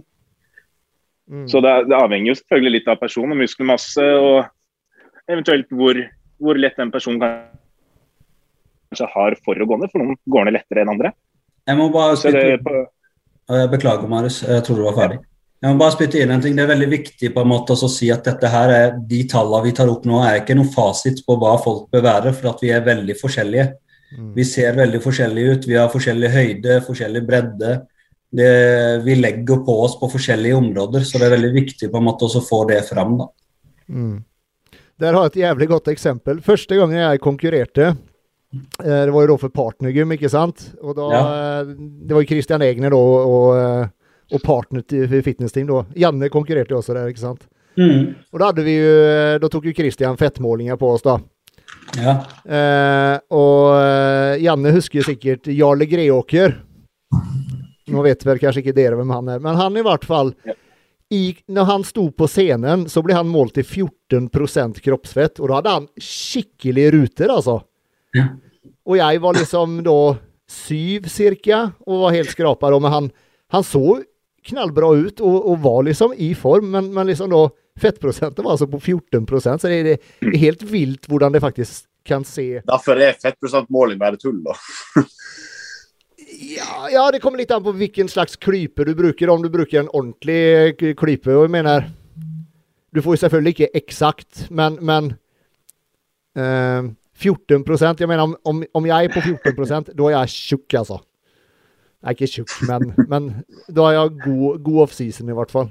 Det er veldig artig du nevner det, Andreas. I 2014, en uke før jeg skulle på scenen, så var det en som insisterte på å ta en sånn måling med Tanita-vekta på meg. Jeg sa jeg var jo i veldig god form, og var sceneklar liksom eh, noen uker før der. Og da går jeg opp på den, eh, på den Tanita-vekta, og så plutselig så skriver han ut og kikker på den, og der sto det 17 i, Altså 17% Men var det fettprosent eller BMI? Nei, det var eh, fettprosent og ikke BMI. Men var det, en sånn, var det en sånn du bare står på, eller holdt du i eh, Nei, nei, du holdt, det var et ordentlig maskin, altså en Tanita-maskin som koster 150 000-200 000 kroner som de har på et gym, altså. Ja. Det er liksom sånn der eh, fettprosent på sånne målinger, det har jo ekstremt mye å si med tanke på vannbalansen i kroppen, Mm. om du har spist det samme hver dag, ikke sant, man går jo ned i vekt. Ja. Så liksom, akkurat de målingene der har ikke jeg så veldig tro på. Altså det finnes utstyr som, eh, jeg tror det er idrettshøyskolen har en, eller en eh, som koster en million, halvannen million, og den, det, det er litt mer sånn Det tar de ordentlige målinger på, men de Tanita-vekta har jeg null tro på. Ja, ja, ja. Nei, det, er helt enig. Eh, Men just og når det gjelder- alt, så- alt sånt er jo bare verktøy som gir en viss indikasjon. Det er jo nøyaktig det Andreas sier der, med at han er 14 til fettprosent på scenen. Jeg er veldig for den som stort sett de fleste sier i miljøet, at ser du bra ut på scenen, så ser du bra ut. Ja. Det, det er ingen av dere dommerne som Mm. spør hvilken fettprosent du har. Nei, nei. Så om jeg ligger på 3 eller om jeg ligger på 17, er jo egentlig irrelevant sånn sett, så lenge du ser bra ut og treffer den klassen du skal. Mm. Selv om nå blir jo 17 blir veldig feil, da, men i og med at du lå på det, tydeligvis, Hassan. Ifølge den. Ifølge den, ja. ja. Ifølge den. Ja, men ikke sant? Og det er jo de testene man følger da, i forkant. ikke sant? Så for, for å finne ut fettprosenten din, så må du tross alt ta en måling. Eller en kalkulert gjetning, liksom. Mm. Ja. Men just, just sånn, sånn med klyper, da, som er en ordentlig klype, det, det gir jo i hvert fall en indikasjon da på hva, hva underhudsfettet faktisk er, og det er det som er interessant. Mm. Det, det har brukt eh, det Just, just at det blir, de målene blir mindre og mindre hele tiden da under dietten. ikke sant? Så det, det kan være et bra verktøy å, å følge med på. Legger nettet hos dere deg, Andreas og Marius, eller? Eh, tror- Stort sett er det du som legger hos meg. Ja, du legger her, og du legger her. Jøsseland. Fettklypa har jeg brukt ikke til å ta syvpunktsmålinger eller noen ting. Jeg har på en måte bare tatt uh, kløpet noen flere steder og som jeg har målt liksom når jeg starta på en diett, og så kan man på en måte se så og så mange millimeter står den på etter noen uker, og så og så mange millimeter står den på, så ser man på en måte fremgangen på den måten. Mm. Det er også en måte å bruke fettklypa på. Og, og ta de her syvpunktsmålingene og legge det inn på en, en side på nettet og sånne ting. Jeg vet ikke, jeg har ikke helt troa på at det er på en måte helt korrekt, altså. Jeg har prøvd det en gang tidligere på en diett, jeg tror det var i 2013, og da var det Den viste så forskjellig fra gang til gang. Det, det, var, det var liksom ikke Og så følte man at man ikke fant eh, de helt riktige beregningene på den fettklypa. Mm. Så jeg tror ikke akkurat de fettklypene til 150-200 kroner uh, Nei, nei, nå, nå snakker ikke jeg om de, men nå, nå snakker jeg om de ordentlige som koster liksom 4000-5000 kroner. Ja, de er kanskje litt mer korrekte. Ja, for de måler ned til 0,1 millimeter, så de er jævlig eksakte. Ja. Sen, sen er det også hvem som tar de målene. Den personen skal jo ta på samme sted hver Mm. gang, ikke sant? Og vite hvor de Eller så at man tar på riktig sted, da. Mm. Så eh, Ja, nei. Du, jeg har noe jeg har lyst til å ta opp. Jeg fikk et spør, jeg har fått et spørsmål om Vi har jo snakka mye om på en måte vektnedgang og fitness og sånne ting. Mm. Altså tips til å spise mer kalorier, og eh, kan, vi kan snakke litt om vektoppgang, kanskje. Kanskje det er litt med tanke på uh, man skal gaine muskler og litt diverse. Så hva gjør dere for på en måte kunne tilføre litt ekstra kalorier? Eh, Si f.eks. man har 3000 kalorier og ikke klarer å få i seg mer. Hva kan man på en måte gjøre for å tilføre, tilføre noe mer der? Kan jo, jeg kan jo starte. Eh, Jeg har jo Mr. Hardgainer. Du har spist mye mat, fy faen. Ja, altså, selvfølgelig, Hvis du ikke klarer å trø ned mer eh, ren mat, om du kan kalle det i form av kylling og ris og alt sånt der, eh, så bruker jeg å lage meg shake med havremel og proteinpulver. og Mm. Enten en skje med fett eller en skje med peanøttsmør, og så bare hiv det i blenderen. Ja. Det, jeg har ikke trua på sånne her eh, gainers og muteness og sånn her. Det er masse sukker og dritt i. Koster mye penger òg. Så lag en gainer med havregryn, banan, ikke sant. Mye rart du kan putte oppi der. Også. Mm. Eller havregryn, selvfølgelig. Noen andre ting du eh, eventuelt anbefaler? Spis nøtter, eksempel.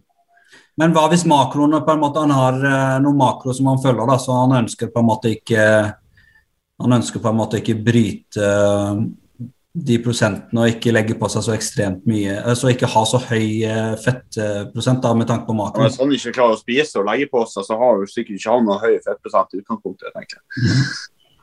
Folk må bare lære seg å spise. altså I bunn og grunn så må du bare begynne å må bare trø det ned. Du må, du må ha et par uker der du faktisk må tvinge maten litt ned. Mm. Eh, og da, da går det lettere etter hvert. Det er noe vi alle må igjennom som sliter med å gå opp i vekt. Det, det er det samme som med dem som jeg på en måte sier klager på diett og syns det er så vanskelig. Eh, har du lyst til å gå opp i vekt, så må du gjøre det som kreves å gå opp i vekt. Nødt ikke å, å finne på masse unnskyldninger for det.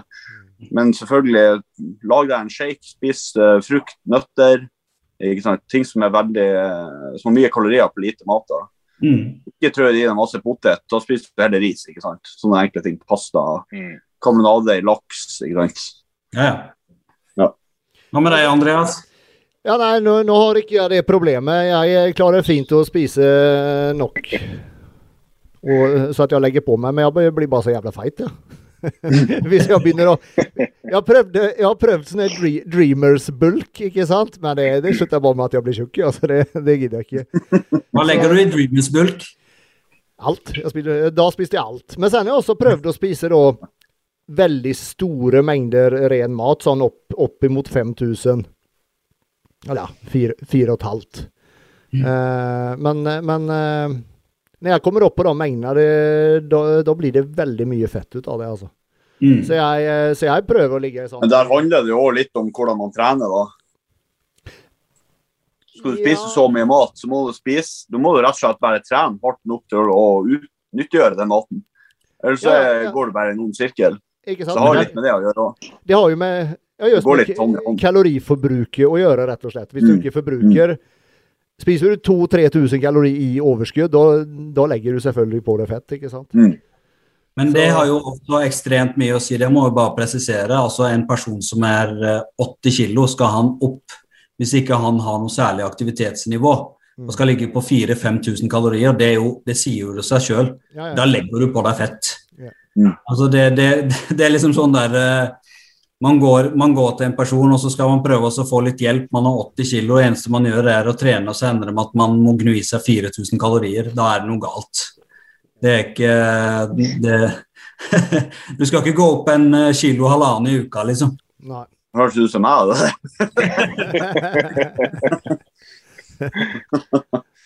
Jeg tenker Hva med det. deg, Marius? Eh, altså, Jeg, jeg syns spørsmålet blir litt vanskelig. for Jeg, jeg syns Mathias dekket jo egentlig veldig bra. Men så sier Mm. du liksom at okay, han har visse makroer han skal forholde seg til. Da er det vanskelig å vite hva du skal gjøre uten å vite hvilke makroer du har å ta av. da. Eh, eh, så jeg føler liksom, Da, da blir det sånne generelle tips. Eh, Mathias var inne på det. Unngå å spise matvarer med høyt volum som potet og sånne type ting. Spis heller ris eller pasta som gir mindre matmengde og samme kalorimengde. Ja. Um, hvis du har fett å kunne legge inn, så er det absolutt en fordel. For da får du mer kalorier og, og mindre mengde. Og hvis det fortsatt da er problemer, så blir det på en måte å begynne å sjekke ut ok, hvordan er det du faktisk fordeler måltidene dine. det, har du tre måltider om dagen og skal spise 1000 kalorier per måltid, og du da sliter, dele opp måltidene kanskje i flere måltider.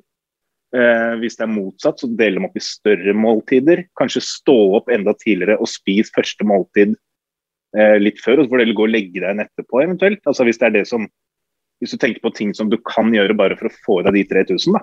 Mm. Så det blir liksom det å tilpasse dietten litt lurere. Ja. kan jo også drikke karb under trening, f.eks. Bare der kan du Ja. få i deg 100 gram karb ganske enkelt. Ja, ja. Det er jo en fin ting. Drikke mye av maten din, liksom. Eh, som jeg generelt, jeg personlig er veldig motstander av. Jeg drikker ikke kaloriene, men for en person som har det som en utfordring, så absolutt fint å gjøre. Hvorfor er du motstander av det, Marius, hvis du har et problem med å få i deg nok mat, eller f.eks. du har en, et tarmproblem eller har et eller annet som på en måte tilsier at du ikke kan spise så ekstremt mye? da? Da er jeg ikke imot det i det hele tatt. Jeg sa jeg personlig, for min egen del. Jeg For din egen del, ja. Ok. vil ikke. Nei, ok. Så personlig ville jeg aldri drukket fordi jeg liker å være mett, jeg liker å spise maten, og jeg sliter ikke med å få meg kalorier. Men jeg anbefaler veldig mange å gjøre det dersom de syns det er vanskelig å få i seg kaloriene. Mm. Fordi jeg føler liksom punkt nummer én, du skal få i deg kaloriene. Hvordan du gjør det, det er egentlig irrelevant. Og så begynner du å gjøre de justeringene at ok, du får i deg 3000 kalorier, men du drikker halvparten, og du er dritsulten. Ok, Mm. Men da drikker vi litt mindre, og så spiser vi mer. Ja. Og etter hvert så sitter du kanskje og spiser alle 3000 uten problem, liksom. Så jeg er ikke imot at folk skal drikke kaloriene sine, absolutt ikke. Nei. Men jeg vil alltid anbefale å spise det, så langt det lar seg gjøre. ja. Mm. Det er bra svart. Nå har han fått spørsmål på svarene sine. Jeg har ikke så veldig mye mer å tilføre egentlig enn det dere har. Kan du tilføre tilføye en siste ting, da? Eh, Hvis ingenting av det her fungerer, så har vi jo Edmund Johansen sin spesialshake med en lite eplejus og havremel og tunfisk og blende. Å, fy faen. Tunfisk i blender. Ja, ja. Har du prøvd det, eller? Ja. Og det, og det smakte Altså, det smaker faktisk ikke så ille som det faktisk høres ut som. Eh, Det er jo noe jeg gjorde en del i Forsvaret, faktisk. For eh, har du uh, juicen, er såpass høy pH-verdi på det og såpass syrlig at det dreper mye av tunfisksmaken. Ja.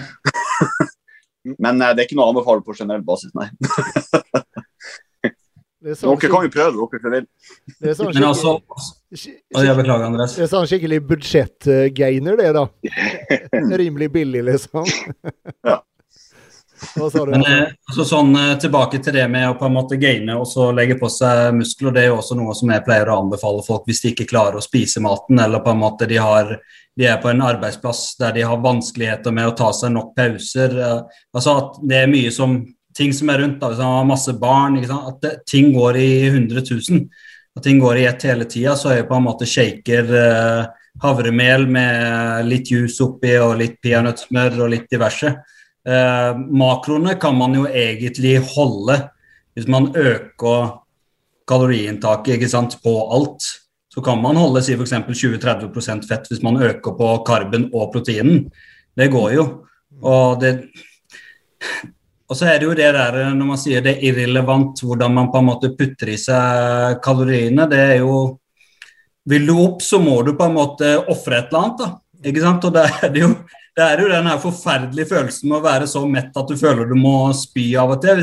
Og så kan det kanskje gå to-tre uker, og så Oi, nå begynner på en måte ting å tilpasse seg litt, og tarmsystemet blir litt vant til det, og magesekken utvider seg litt, som de sier. og så så går det kanskje litt bedre. Og, og så jeg, tror veldig mye handler om planlegging. Hvordan man på en måte planlegger dagen sin. Ok, Står du opp klokka syv, Du legger deg klokka 11 på kvelden, står opp klokka 7. Det Marius sa, men på en måte prøve å legge inn kanskje flere småmåltider. Mm. Eller uh, legge inn eh, noen shaker av og til med havremel og proteinpulver eller tunfisk. eh, Edmund Johansen sin uh, spesialdesigna shake, ikke sant. Altså at man gjør, uh, gjør sånne ting på en måte som, som gjør at man kan få i seg mer kalorier. Mm. Så handler det òg kanskje om å finne mat og du fordøyer bra. Ja. Ja. Ikke sant? Det er sånn som min egen del. Jeg gikk jo litt motsatt vei der eh, etter tips fra Edmund òg.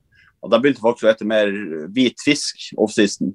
For det her er mat som du brenner gjennom utrolig raskt. Mm. ikke sant? Og kan begynne å spise på nytt igjen. Istedenfor å, sånn som jeg da spiste, kanskje en pakke med karbonade. Da var jeg faen mett i fire timer. Ja, du holder Ja, ja. mett mye, mye. Finn mat. Du fordøyer lett, så går det rett gjennom systemet. ikke sant? Så du kan begynne å fylle på på nytt igjen. Mm. Man kan glemme at Rødt kjøtt er jo ekstremt eh, tungt for eh, tarmene på en måte å fordøye. Det er jo egentlig generelle fettkilder gjør, tar jo opp mye langsommere i kroppen. Samme fi, mye Så- fiber og sånn. Ja.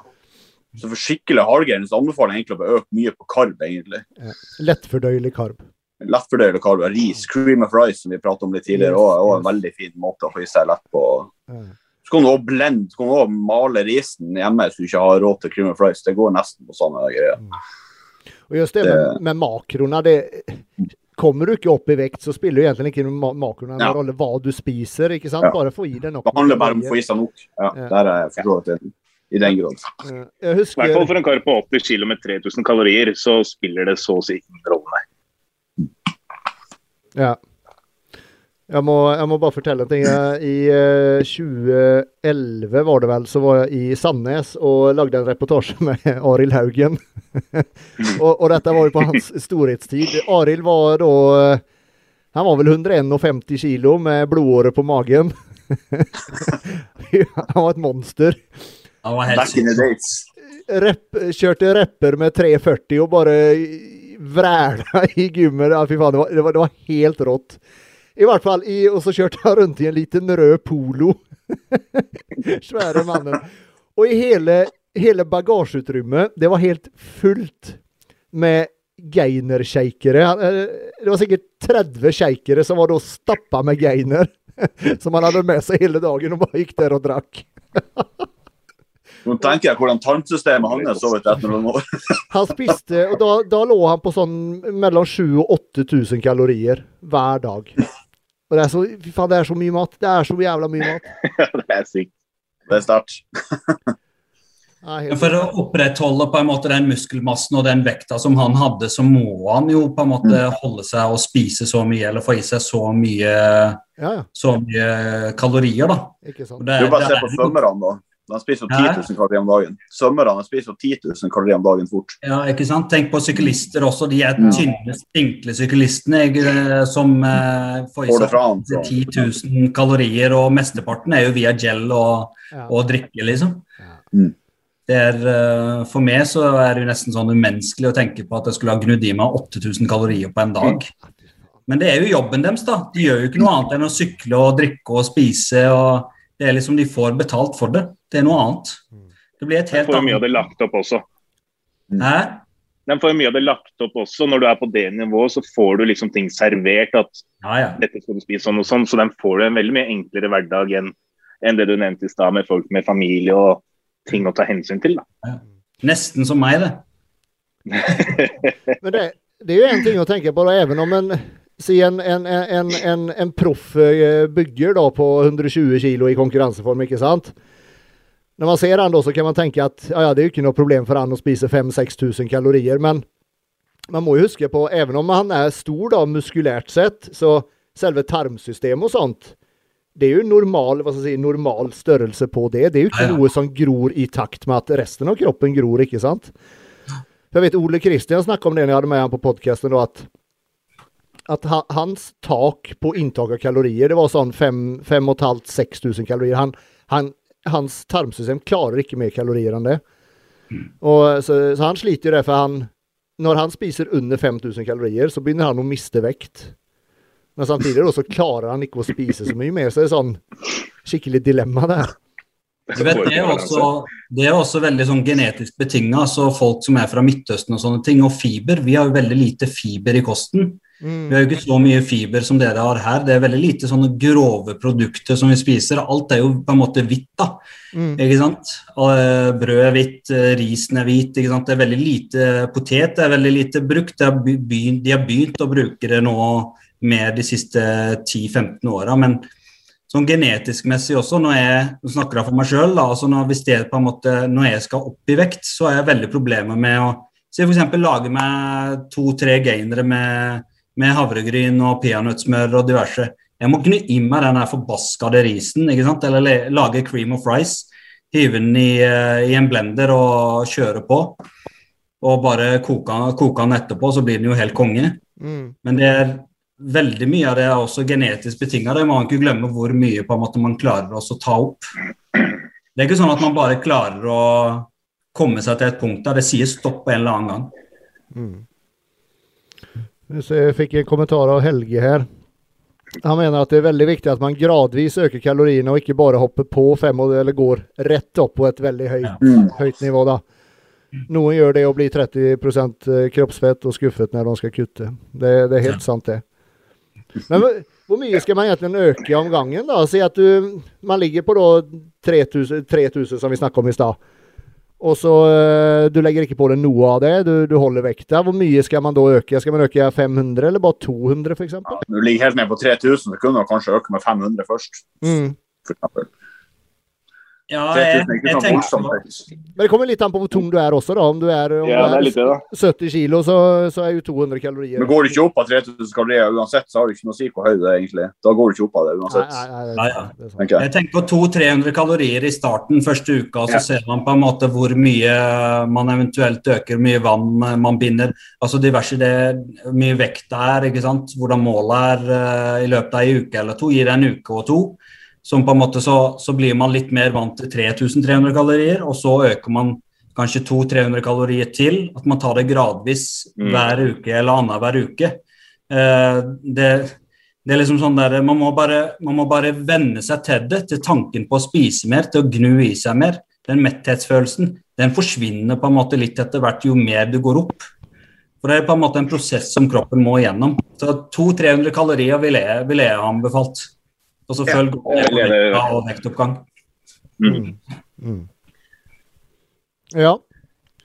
Det var dagens visdomsord. Ja, jeg, jeg føler ikke at de aller fleste heller har så veldig mye behov. Altså hvis, vi, hvis vi holder oss på Nå snakker vi ikke grove byggere, nå snakker vi litt mer eh, vanlige folk, og kanskje de som trener litt mer enn snittet. da. Så er det jo som regel ikke noe stort behov å ligge på særlig mer enn 3000 kalorier. Men hvis du da sliter med å gå opp, så begynne å nærme deg 4000 kalorier for en, en person på det nivået, er jo stort sett ganske høyt kaloriinnhold. Så jeg føler ikke at det er noe behov for å liksom øke så altfor mye på, på veldig mange. Nei. Det er jo veldig individuelt, da. Det har det Det er absolutt. absolutt. kalorier, liksom. Så Ja. Absolutt, men jeg føler at det er mer individuelt oppover, holdt jeg på å si. At eh, det, det er færre Mathiaser enn normaler. og takk Gud for det. Helt riktig. Ja, men det, er så altså? veldig, det blir så veldig forskjellig, eh, Marius. Det, er så, det er liksom så Det kommer an på vekt, det kommer an på aktivitetsnivå, det kommer an på liksom, kalori inn, kalori ut. ikke sant? Da går man tilbake til det. Altså, Jeg sa jo det sist på en måte med kalori inn, kalori ut med tanke på en nybegynner. Og jeg pleier å beregne makroene, og så tar jeg på en måte kaloriene ut ifra det. Men skal du, skal du på en måte opp i vekt, så, så har jo vekta hva du er på, hvor mye aktivitet du er i, hvor høy er du, ikke sant. Liksom, er det en 100 kilos eh, kar som spiser 3000 kalorier i junk, hvis han skal opp og begynne å spise 3000 kalorier i, i vann, da. Saltmengden i veldig mye det er liksom sånn, Noen kan jo droppe plutselig når de spiser 3500 med ren mat kontra 3000 i junk med tanke på saltnivå, med tanke på vannivå. Altså det, det er så mye som spiller inn, på en måte. Så Ja, det er forskjellig. Og, og det, men det er jo litt det jeg sa i stad. at det er sånn Sånn sett så kan vi jo ikke svare på noen av våre egne spørsmål uten å ta hensyn til hver enkelt mulige eh, ting som kan inntreffe. fordi det, det finnes sykdommer og det finnes individuelle tilnærminger, liksom. Men når, spørsmålet vårt besto jo sånn sett av vi har en person på 3000 eh, kalorier som ikke går opp, hvor mye ville vi økt den personen med? Ja, det var Vi sånn har ikke særlig mer sånn. info enn det. ikke sant? Ja. Så jeg vil jo gå ut ifra Hvis jeg hadde hatt en person da, som jeg har satt på 3000, så er det en grunn til at jeg har satt den personen på 3000. Det er jo da mest sannsynlig for jeg har gjort de utregningene i forhold til hvor aktiv er denne personen, hvor høy er den personen, hva veier den, hvor gammel er den, alt mulig sånt. Derfor kom jeg fram til 3000. Så viser jeg ok, jeg tok feil, jeg la den litt lavt, jeg må øke. Det er min tanke rundt det nå. Mm. Så da føler jeg ikke at 500 er noe behov. Da føler jeg at da ville jeg heller gjort akkurat sånn som du nevnte, Hassan. Økt med 200-300 kalorier. Hvis det viser seg at altså, hvis det andre tilfellet nevner en person på 100 kg som er superaktiv og sånn og sånn, og sånn, og jeg kommer fram til 3000 og jeg har bomma med 1000 kalorier, så har jeg gjort en ganske grov feil som coach i forhold til å sette opp eh, kaloriene, på en måte. Ja, Det kommer jo veldig an på om du har fått de tallene på forhånd eller ikke, hva han spiser i løpet av noen dager. da, i gjennomsnittet. Ja, Altså, det kommer alltid an på. hvis jeg ikke har fått info, så har ikke jeg gjort en grov feil. Da har jeg gjort riktig, så har han gjort feil. Ja. Men altså det, jeg mener, vi, vi kan ikke alltid Vi kan alltid sitte og si det kommer an på. at Det finnes alltid en eller annen variabel.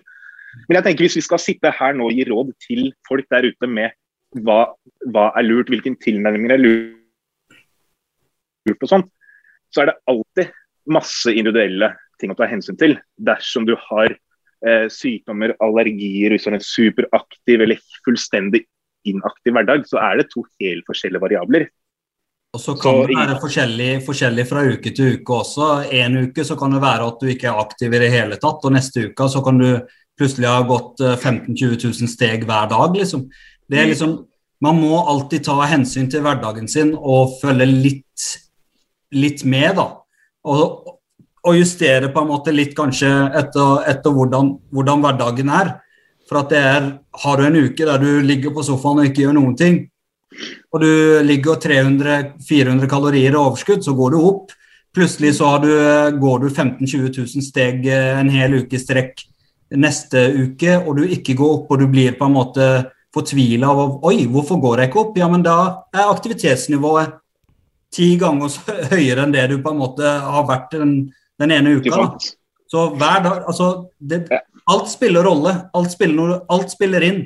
For meg som coach, så når noen må sende inn, så må du sende inn flere dager på en måte. Hvor, hva får du i deg? Alt av kalorier. Mat, drikke, ikke sant? sånne ting. Hvordan er aktivitetsnivået ditt? Pleier det å være forskjell på aktivitetsnivået ditt fra uke til uke eller dag for dag? Er det en person som på en måte har kontinuitet i ting så, og har veldig like hverdager, så er det veldig enkelt. Er det en person som på en måte ikke har det, at har en turnusjobb f.eks., reisejobb Altså alt Alt uh, spiller inn. Mm. Jeg kan vel det si det generelle rådet er vel å prøve seg forsiktig fram. Veldig bra. Det er helt, helt riktig. Make it simple stupid, altså, som jeg Ja. pleier å si. Det liksom gjør det så enkelt som mulig. Helge skriver her, eh, og så er faktisk kal kalorisammensetning viktig. Det første som Ole lærte han, var at en kalori ikke er en kalori. Noen klarer lett 4000 med lav fett, men, mens noen som da sliter med 3500 med høyere fett. da. Ja, ja. Det er faktisk en ting Det er liksom det jeg sa forrige gang òg. Mm. Eh, det er en ting jeg merker nå, eh, skal vi se, forrige For to uker siden så endret jeg selv om Vi er jo på sånn ganske li, hva skal jeg si, litet kutt nå, da. Går, går sånn sakte ned.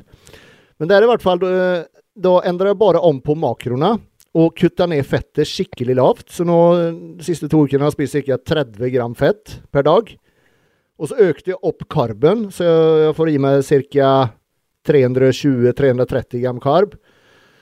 Eh, ligger da på en 2-5-2-6 eh, kalorier. Og når jeg bare endrer om på de makroene, det bare eksploderte. Jeg bare pang! Kom i, i Mm. Jeg så bare i løpet av noen dager så ble formen bedre. Og nå, denne siste uka, så har jeg gått ned nesten halvannen kilo, så nå må jeg liksom øke kaloriene mer, for nå går det altfor fort.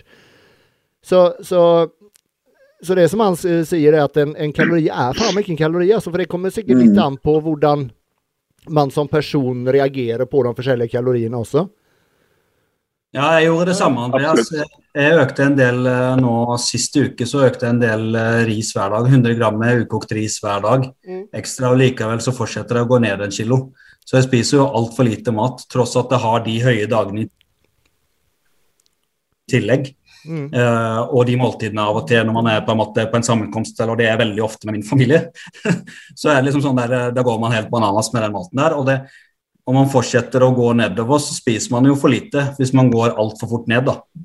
Ja. Det, er jo, det er jo ikke ideelt for oss på en måte som eh, skal komme i form og droppe en kilo i uka. Det syns jeg er litt for mye. Mm. I hvert fall hvis man skal gjøre det over tid. Ja, ja, ja. Mm. Ikke sant. Mm. Ikke sant. Så har, eh, skal vi se, Tom André Olsen har kommentert 150 til 200. Jeg skjønner ikke helt hva du mener med det. Kalorier i forhold til økning, sikkert. Ja, ja, sånn, ja. ja. Mm. Ikke sant. Så han kom med sin anbefaling. Ja. Uh, ja, det er vel er noe mer å dekke der, egentlig. Det er vel egentlig ikke det. Nei, det er vel ikke det. Eh, Men Marius, eh, med, deg- med deg nå, nå når du var ferdig på diett, på en måte mm. Nå når det ikke ble noen Mm. konkurranse og sånn, hva, hva gjorde du da? Hoppa du bare rett på verste off-season-dietten, eller eh, har du gradvis gått opp, eller, eller hva gjør du? Jeg har ikke gradvis gått opp. Jeg har, ehm, jeg har eh, tillatt meg å kose meg eh, når jeg vil, og så har jeg fulgt diett generelt. Så jeg følger stort sett en diett, hva kan si, det klassiske. Følger liksom diett i hverdagene, og så kan jeg kose meg i helgene. Så sliter jeg fortsatt med at når jeg koser meg, så blir det ikke den ene og lite grann. Det blir alt jeg kommer over. Så de jubler jo på bunnpris hver lørdag når jeg kommer gående ned. Så, det er, ehm, akkurat der sliter jeg litt, litt fortsatt. Um, Ja, men det, Men- det, det kommer du gjøre lenge, for det etter sist konkurranse Jeg brukte altså tre måneder før jeg var tilbake i normalen. Ikke det her Ray Cravings-galskapen. mm. Så ja, det, det, jeg pleier stort sett å være sånn selv også. Jeg bruker gjerne liksom tre, kanskje til og med seks måneder på å hente meg inn. Mm. Men nå har jeg planer om å stille til høsten, da, så det er veldig dumt å dra det tre måneder ut. Men du sier følge, det følge diett i ukene. Er det jeg, jeg regner med at du spiser mer mat enn du gjorde på selve dietten? Nei, egentlig ikke. Jeg følger på en måte den samme oppsetninga. Og så eh, jeg, jeg har den maten, og så kan jeg legge til liksom at jeg lager noe ekstra ris eller bare noe smått som jeg har ut kvelden. Så jeg har liksom ikke noe fasit på hva jeg spiser på kvelden der. Det blir litt mer på feeling. Mm. Så jeg har fortsatt min, min diett i, i grunnen der. Um, Du teller så- kalorier, om andre ord? ja, det gjør jeg. Mm. Mm. Så jeg teller, jeg teller det ukentlige, eller hverdagslige. Jeg teller ikke det i helgene. Det tør jeg ikke helt å telle. Så um, det, formen sånn sett er helt grei. Og så, så blir det litt sånn skippertiltak. da, At dersom jeg føler at uh, nå har det blitt litt mye mye, For jeg, jeg trekker jævlig fort vest når jeg begynner å kose meg. Så jeg legger jo kjapt på meg 10-12 kilo. Og da um, det merkes på kroppen. Det sprenger og verker, og treningsøktene blir grusomme. og Alt gjør liksom vondt. Mm. Så da blir det liksom Du begynner å sette i gang med cardio igjen. Går det ned 3-4 kilo, og så begynner du å slappe av, og så går du opp igjen. Og så liksom evig runddans på det, da. Mm, mm. Men kan man jo heller ligge litt jevnt høyere gjennom hele uka da, istedenfor å eksplodere hele helga. da. Ja, for, for meg så er det den riktige og mest fornuftige måten å gjøre det på. Jeg bør ikke unne meg noe. Men jeg, jeg kjenner at sånn psykisk sett så er jeg ikke helt der enda. Jeg, for jeg, jeg, jeg føler på en måte, jeg sier det til meg sjøl at vet du hva, nå gjør jeg sånn her i stedet. Akkurat det du sier. Og så kommer helga, og så har du fri.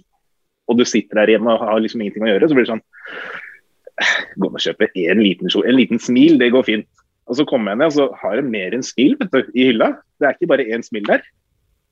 Men Marius, har ikke du en sånn der collection av sjokolade? Jeg husker du drev og delte det når du var på diett. Du hadde jo en tønn. Har du spist de opp? Er du gæren? Det tok meg Jeg tror det varte i syv-åtte dager eller noe etter jeg var ferdig. Kødder du? Nei, nei. Jeg var nede, jeg kjøpte De hadde, de hadde et sånt fantastisk tilbud på kolibriegg. Så jeg tror jeg kjøpte jeg var bortimot tolv pakker eller noe på to uker med sånne kolibriegg. Det er 1100 kalorier i en pose. Så nei, den samlinga er dessverre borte for lenge sida. Ja. Så jeg har prøvd å fylle på, men det blir jo borte med en gang, den også. Det er det du bruker pengene dine på, altså godis i hverdagen? Det er, det er, det er helt sykt, den, den, den, sulten man har etter å ha vært uh, i, i, konkurranseform. Da. Det, er, det, det, er helt, det er helt latterlig. Og det, som er så sykt, er hvor, hvor Jack and Hyde er. da. Mm. For det er liksom, når, når jeg setter i gang dietten, og jeg begynner å følge en diett, jeg har en oppkjøring, jeg har et mål, så er det liksom alt av å vike fra dietten og alt mulig usunt. Det er, liksom, det er helt irrelevant. Jeg har ingen interesse av det. Jeg elsker å sitte og se på det. Jeg hadde sjokolade eh, stående på hylla som jeg gikk og liksom strøyk på og smilte til hver gang jeg gikk forbi. og sånn. Men jeg hadde aldri lyst til å spise det. Og nå, så fort jeg går av, så kan du ikke gå inn i butikken engang uten at du må ha det. Du bare får den derre du må ha. Mm. Så det, Da er det plutselig null disiplin. da. Mens på diett så kan jeg sitte jeg kan, jeg kan, ligge med sjokolade i senga og ligge og kose meg, liksom. Uten, uten, at jeg spiser noen ting. Jeg bare har det ved siden av meg som en partner, liksom. Drar du sulten på butikken, eller er du mett før du drar på butikken? Mm. Eh, på, på diett så drar jeg alltid sulten på butikken fordi jeg er på diett. Eh, og det er null problem. Men eh, Jeg tenker nå, da. ja, nå så Det varierer jo. Stort sett så blir det vel sulten. Og det er det dumme. Spise en svært måltid før du drar på butikken. Ja. for jeg tenker, altså, Min største hemmelighet offseason for å ikke ete masse dritt, er altså jeg spiser meg mett på diettmat. Og da, mm. Det er altså kvalm og mett av all risen, potet, pasta, you name it. at Da, da vil jeg ikke ha noe annet. Mm. Det du må bare prøve å tvinge det i deg. Ta ei uke, ja. ta et skippertak, og så tar du deretter, liksom. Ja, absolutt. Så, men nå, nå, tenker jeg stille til høsten òg, så for min del nå så er det liksom jeg, jeg, drar ned til Santa Susanna nå på onsdag. Um, og da tenker jeg, der, der, kommer jeg til å kose meg og spise og gjøre som jeg vil. Og så begynner dietten å komme hjem derfra. Hva skal du, eh, skal du på ferie til EM eh, nå, eller? Det, ja, det, jeg skal ned på EM, ja. Eh, det blir en, en, kombinert ferie og at jeg har en utøver som skal stille der. Som jeg følger opp. Hvem er det, da? En uh, utøver som stiller i Wellness, juniorutøver. Ja fra, fra, Bulgaria, som stiller for landslaget til Malta. Mm. Så, så, så, hun skal ned dit. Så du coacher, liksom? Ja. Ah. Jo. Hva heter hun, da? Det er jo gøy å følge med. Uh, Vanja Ivanova. Vanja. Vanja med Y. Vanja. Jeg kan ta og dele henne her på uh, Skal vi se Share screen. Der, og så skal jeg bare dele her også. Hun var grov. ja, det er fryktelig potensial til å være 21 år, så er hun ekstremt bra. Så Men hun også har jo vært en veldig sånn case da, som vi på en måte har sittet og diskutert og tatt opp her. Sånn, den biten med liksom eh, det å ha kunnskapen, vite ting sjøl, det å stole på coachen sin, eh, det å følge diett og sånne type ting hun har jo virkelig fått kjenne på alle mulige aspekter rundt den biten der. Vanja Ivanova er jo noen av disse her, eh, Marius? Å fy faen, jeg ser jo ikke hva Jeg tror han sa Vanja med Y, sa han ikke det? Vanja med Y, ja. ja. Det er Vanja. Vanja. Vanja. Vanja. Det er nordnorsk, vet du. Er det den Ja, følges av Marius Flise. Her skal vi se. Ja, hun ser ut til å være i form, hun. Ja, hun er uh, ganske bra. Hun var bedre for en stund siden. Hun har slitt veldig med å følge dietten og ikke ha cheat days og, og spise opp. Og vært veldig sånn på at uh, jeg må gjøre dette fordi at jeg trenger det.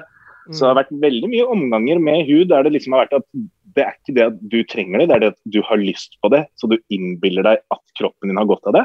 Bare for å gi deg sjøl aksept og unnskyldning for å spise noe. Og så har de gjort det. Bilde, det... Finner du et bilde Andreas, der du kan se fysikken hos, liksom? At ikke det bare er eh, noen rumpebilder? liksom? Skal jeg se Du tok lag.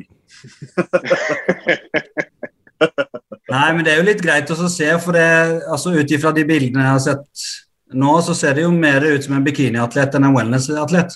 Ja. Eh, ikke når du ser låra hennes, så Det er derfor jeg spurte om jeg kunne se noe helhet. eh, vi. Der ser du vel i, på det bildet Ja, der som der, var ja. for så vidt. Det var noe annet. Ja, det var litt Mm. bein på henne. Ja, det var det. Har du fulgt opp lenge, du? Kult. Uh, hun har fulgt opp nå i snart tre måneder. Ah, ja. Kult. Ehm, så det har vært, eh, det har vært veldig moro. Uh, morsomt. Altså, hun har jo veldig mye kunnskap og er jo, har noe bachelor i noe sånn biokjemi og diverse innen næring og sånn, så hun har jo jævlig mye, eh, mye om dette her da, i utdannelsen sin. ja. Um, så hun kan mye, og så har hun litt den utfordringa som mange av oss har i starten. Det med å liksom innse at selv om du har kunnskap, så er eh, trening og kosthold er én ting, men akkurat en konkurranseoppkjøring det er en helt egen greie. Det er litt forskjellige ting som spiller inn. Mm. Så um, hun, har, hun har prøvd seg fram mye sjøl, og hun hadde en coach som hun ikke klarte å stole på i det hele tatt. Til å begynne med. Um, I forhold til det hun har delt med meg da, fra coachen, så vil ikke jeg si at den coachen har gjort noe gærent. Jeg tror det har mer vært en personlig kjemi mellom de to som bare ikke funka. Der er, vi til, der er vi tilbake til det med å finne riktig coach. ikke sant? Det, det å Yes. ha kjemien, føle at du kan snakke med coachen, føle at du har liksom fortroende for coachen. Absolutt. Og det, det er litt det som på en måte ble en klinsj mellom de to. Mm. de var ikke helt på bølgelengde. Nå vet ikke jeg hvordan de liksom kommuniserte med hverandre, om det var mulig å liksom komme med forslag og innspill og ha en diskusjon, eller om det bare var sånn er det ferdig snakka, liksom. Mm. Men uh, hun stolte i hvert fall ikke på oss, så det endte jo opp med at hun cheata fryktelig mye og liksom kjørte sitt eget opplegg, og så fulgte hun coachen sitt, kjørte sitt eget, og så veldig sånn fram og tilbake. Mm. Og så har det vært en ekstrem påkjenning for henne, da, med samme som altså, som jeg var igjennom. Med at først så ble jo Malta-mesterskapet utsatt. Og så ble Diamond Cup utsatt, og så ble det avlyst. Og så hadde hun ikke noen konkurranser. Og så sitter du liksom og stresser og blir deppa og hopper av diett, og så får du beskjed om at du kan være med til EM. Og så er det liksom på'n igjen, og så blir det litt sånn skal, skal ikke. Så det har vært, vært en tøff eh, runde for henne, altså. Mm. Ja, fy fader. Men er det, er det mange som skal til, til Eller blir EM stort i år, vet du det? Ja, det blir det, altså det blir ikke like stort som det pleier, men det er rundt 1000 utøvere totalt. Å ja, såpass, ja. Og det, det går Mm. over er fem-seks dager eller noe sånt, eller? Det begynner fredag, ferdig søndag. Oh ja, det så er varer tre fort. Dager. Når jeg var der, så var det over ja, var det seks dager. Jeg har ingen aning hvor mange utøvere det var, men da var Ja, det men da pleier det å være rundt det dobbelte, tror jeg. Ja, ikke sant. Det ligger på sånn 1500 pluss utøvere hver gang. Ja. Så um, det, det blir ikke like mange nå. Jeg vet jo veldig mange land har jo strenge restriksjoner og sånn, så det, det er klart det spiller inn veldig. Mm. Mm. Men eh, det, det blir, fortsatt, eh, blir fortsatt et bra stevne. og Mange utøvere, og du ser jo teamet Sverige sender, de sender jo ekstrem kvalitet. Mm. Teamet Malta sender eh, mye bra utøvere. Eller mye bra, de er fire utøvere, tre eller fire utøvere. Men så har du liksom Frankrike 138 utøvere, Polen 78, Ukraina 51.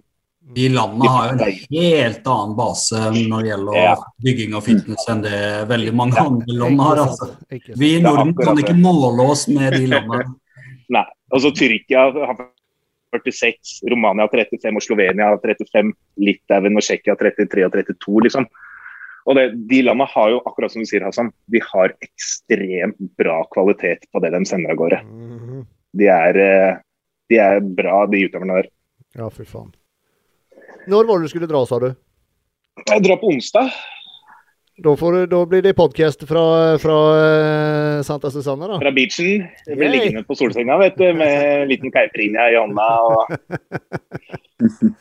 Litt snøvling må dere regne med. Må du ta sånn koronatest før du reiser ut, eller? Ja, jeg må det. Dessverre. Ja. Så du må ta det Er det 72 timer før? Hvor mange timer før er det? 48. 48? Mm. Mm. Så må dessverre det. Heldigvis så tilbyr de test nede på stevnet, da, så du får liksom alt det ordna når du skal dra derfra. Da sitter du i ti dagers karantene når du kommer hjem, du. For det er jo ikke nødvendig å reise. I forhold til dagens regler, ja. Og så blir du litt sånn Dette er idrettsarrangement. Jeg reiser ned som en coach for å følge opp en utøver. Litt egne regler i forhold til idrett og sånn, så jeg er ikke 100% sikker. Men jeg har tatt uh, utgangspunkt i at det blir ti dager med karantene. Uh. Så mest sannsynlig gjør det. Så, Ja, det er verdt det for en solseng og 30 grader. Altså. Det er nesten det. Du vet, det, det verste var det her om Altså, I forhold til at det snødde her forrige år, så er det jævla verdt det. Altså. Her om dagen på Facebook så var det en som delte at eh, hei, er det noen her som har korona som kan eh, besøke meg? Da spurte jeg hva i huleste du holder på med. Det kommer jo sånn der hvis du har, blitt smittet, hvis du har vært smitta av korona, så kan du faktisk reise til utlandet. Så da, da noen Ja. som har korona, si fra. Dere er hjertelig velkommen på besøk her. Da skal jeg Ja, egentlig, for da kan du bare reise som du vil. ikke sant? Ja, da kan du bare reise etter at du har vært smitta og blitt frisk, holdt jeg på å si. Da, så kan du faktisk reise til utlandet. Det, det frister veldig. Er det så enkelt? Ja, ja, det er det. Men greia er at man, seks, man, seks måneder. man vet jo aldri hvordan man faktisk blir påvirket om man nå skulle få det. Da. Jeg er jo såpass gammel, så jeg dauer vel. Ja, du For deg, for deg er det en ris. Men eh, Det er litt, eh, ja. Vi ser Helge har skrevet et eller annet her. eh, Spørsmål til deres tanker rundt anabola steroider er ulovlig, spesielt med tanke på norsk bodybuilding. Vi har jo blitt enige at vi snakker ikke om steroider. Nei, vi har jo allerede tatt opp, Ja. så Ja, det Vi er, har jo vært gjennom det. det er vi har, blitt spurt, vi har blitt spurt hver gang om det, og så lenge det er ulovlig, så er det ulovlig. Altså, det sier seg sjøl, altså. Det er jo ikke noe vits å diskutere det engang. Det er som å sitte og diskutere hasj og kokain, liksom. Ja. Men sen kan man, eh, kan man eh, for så vidt ha en åsikt om det. Min, min eh, åsikt at det er ulovlig, er, syns jeg er helt feil, egentlig. Men ja. Jeg vet ikke. Det meste kan reguleres på et vis, men uh... Ja, ja, ja. Det er Det jeg syns, er det- det jeg syns er helt utrolig, er at den norske stat prøver å få igjen, eller noen partier prøver å få igjennom at det er lov til å sitte med fem gram med kokain hjemme som brukerdose. Eh, og så skal på en måte noe som doping, der eh, kanskje en person eh, dør av det hver tre-fjerde år, eh, ikke være lov. Det, det henger ikke helt på greip, altså. Så som, gjør så som reglene var før, at eh, du kunne inneha eh, var det brukerdoser eller eh, noe sånt der, ikke sant? 10 milliliter fra et glass. Ja, ja. Det var liksom helt innenfor. Mhm. Men eh, ja, som sagt, vi, eh, vi, vi dropper den diskusjonen, rett og slett. Så, eh, så det. Men eh, nå har vi vært på i rett over to timer. Jeg hadde egentlig tenkt Vi skal og trene bein. Nå?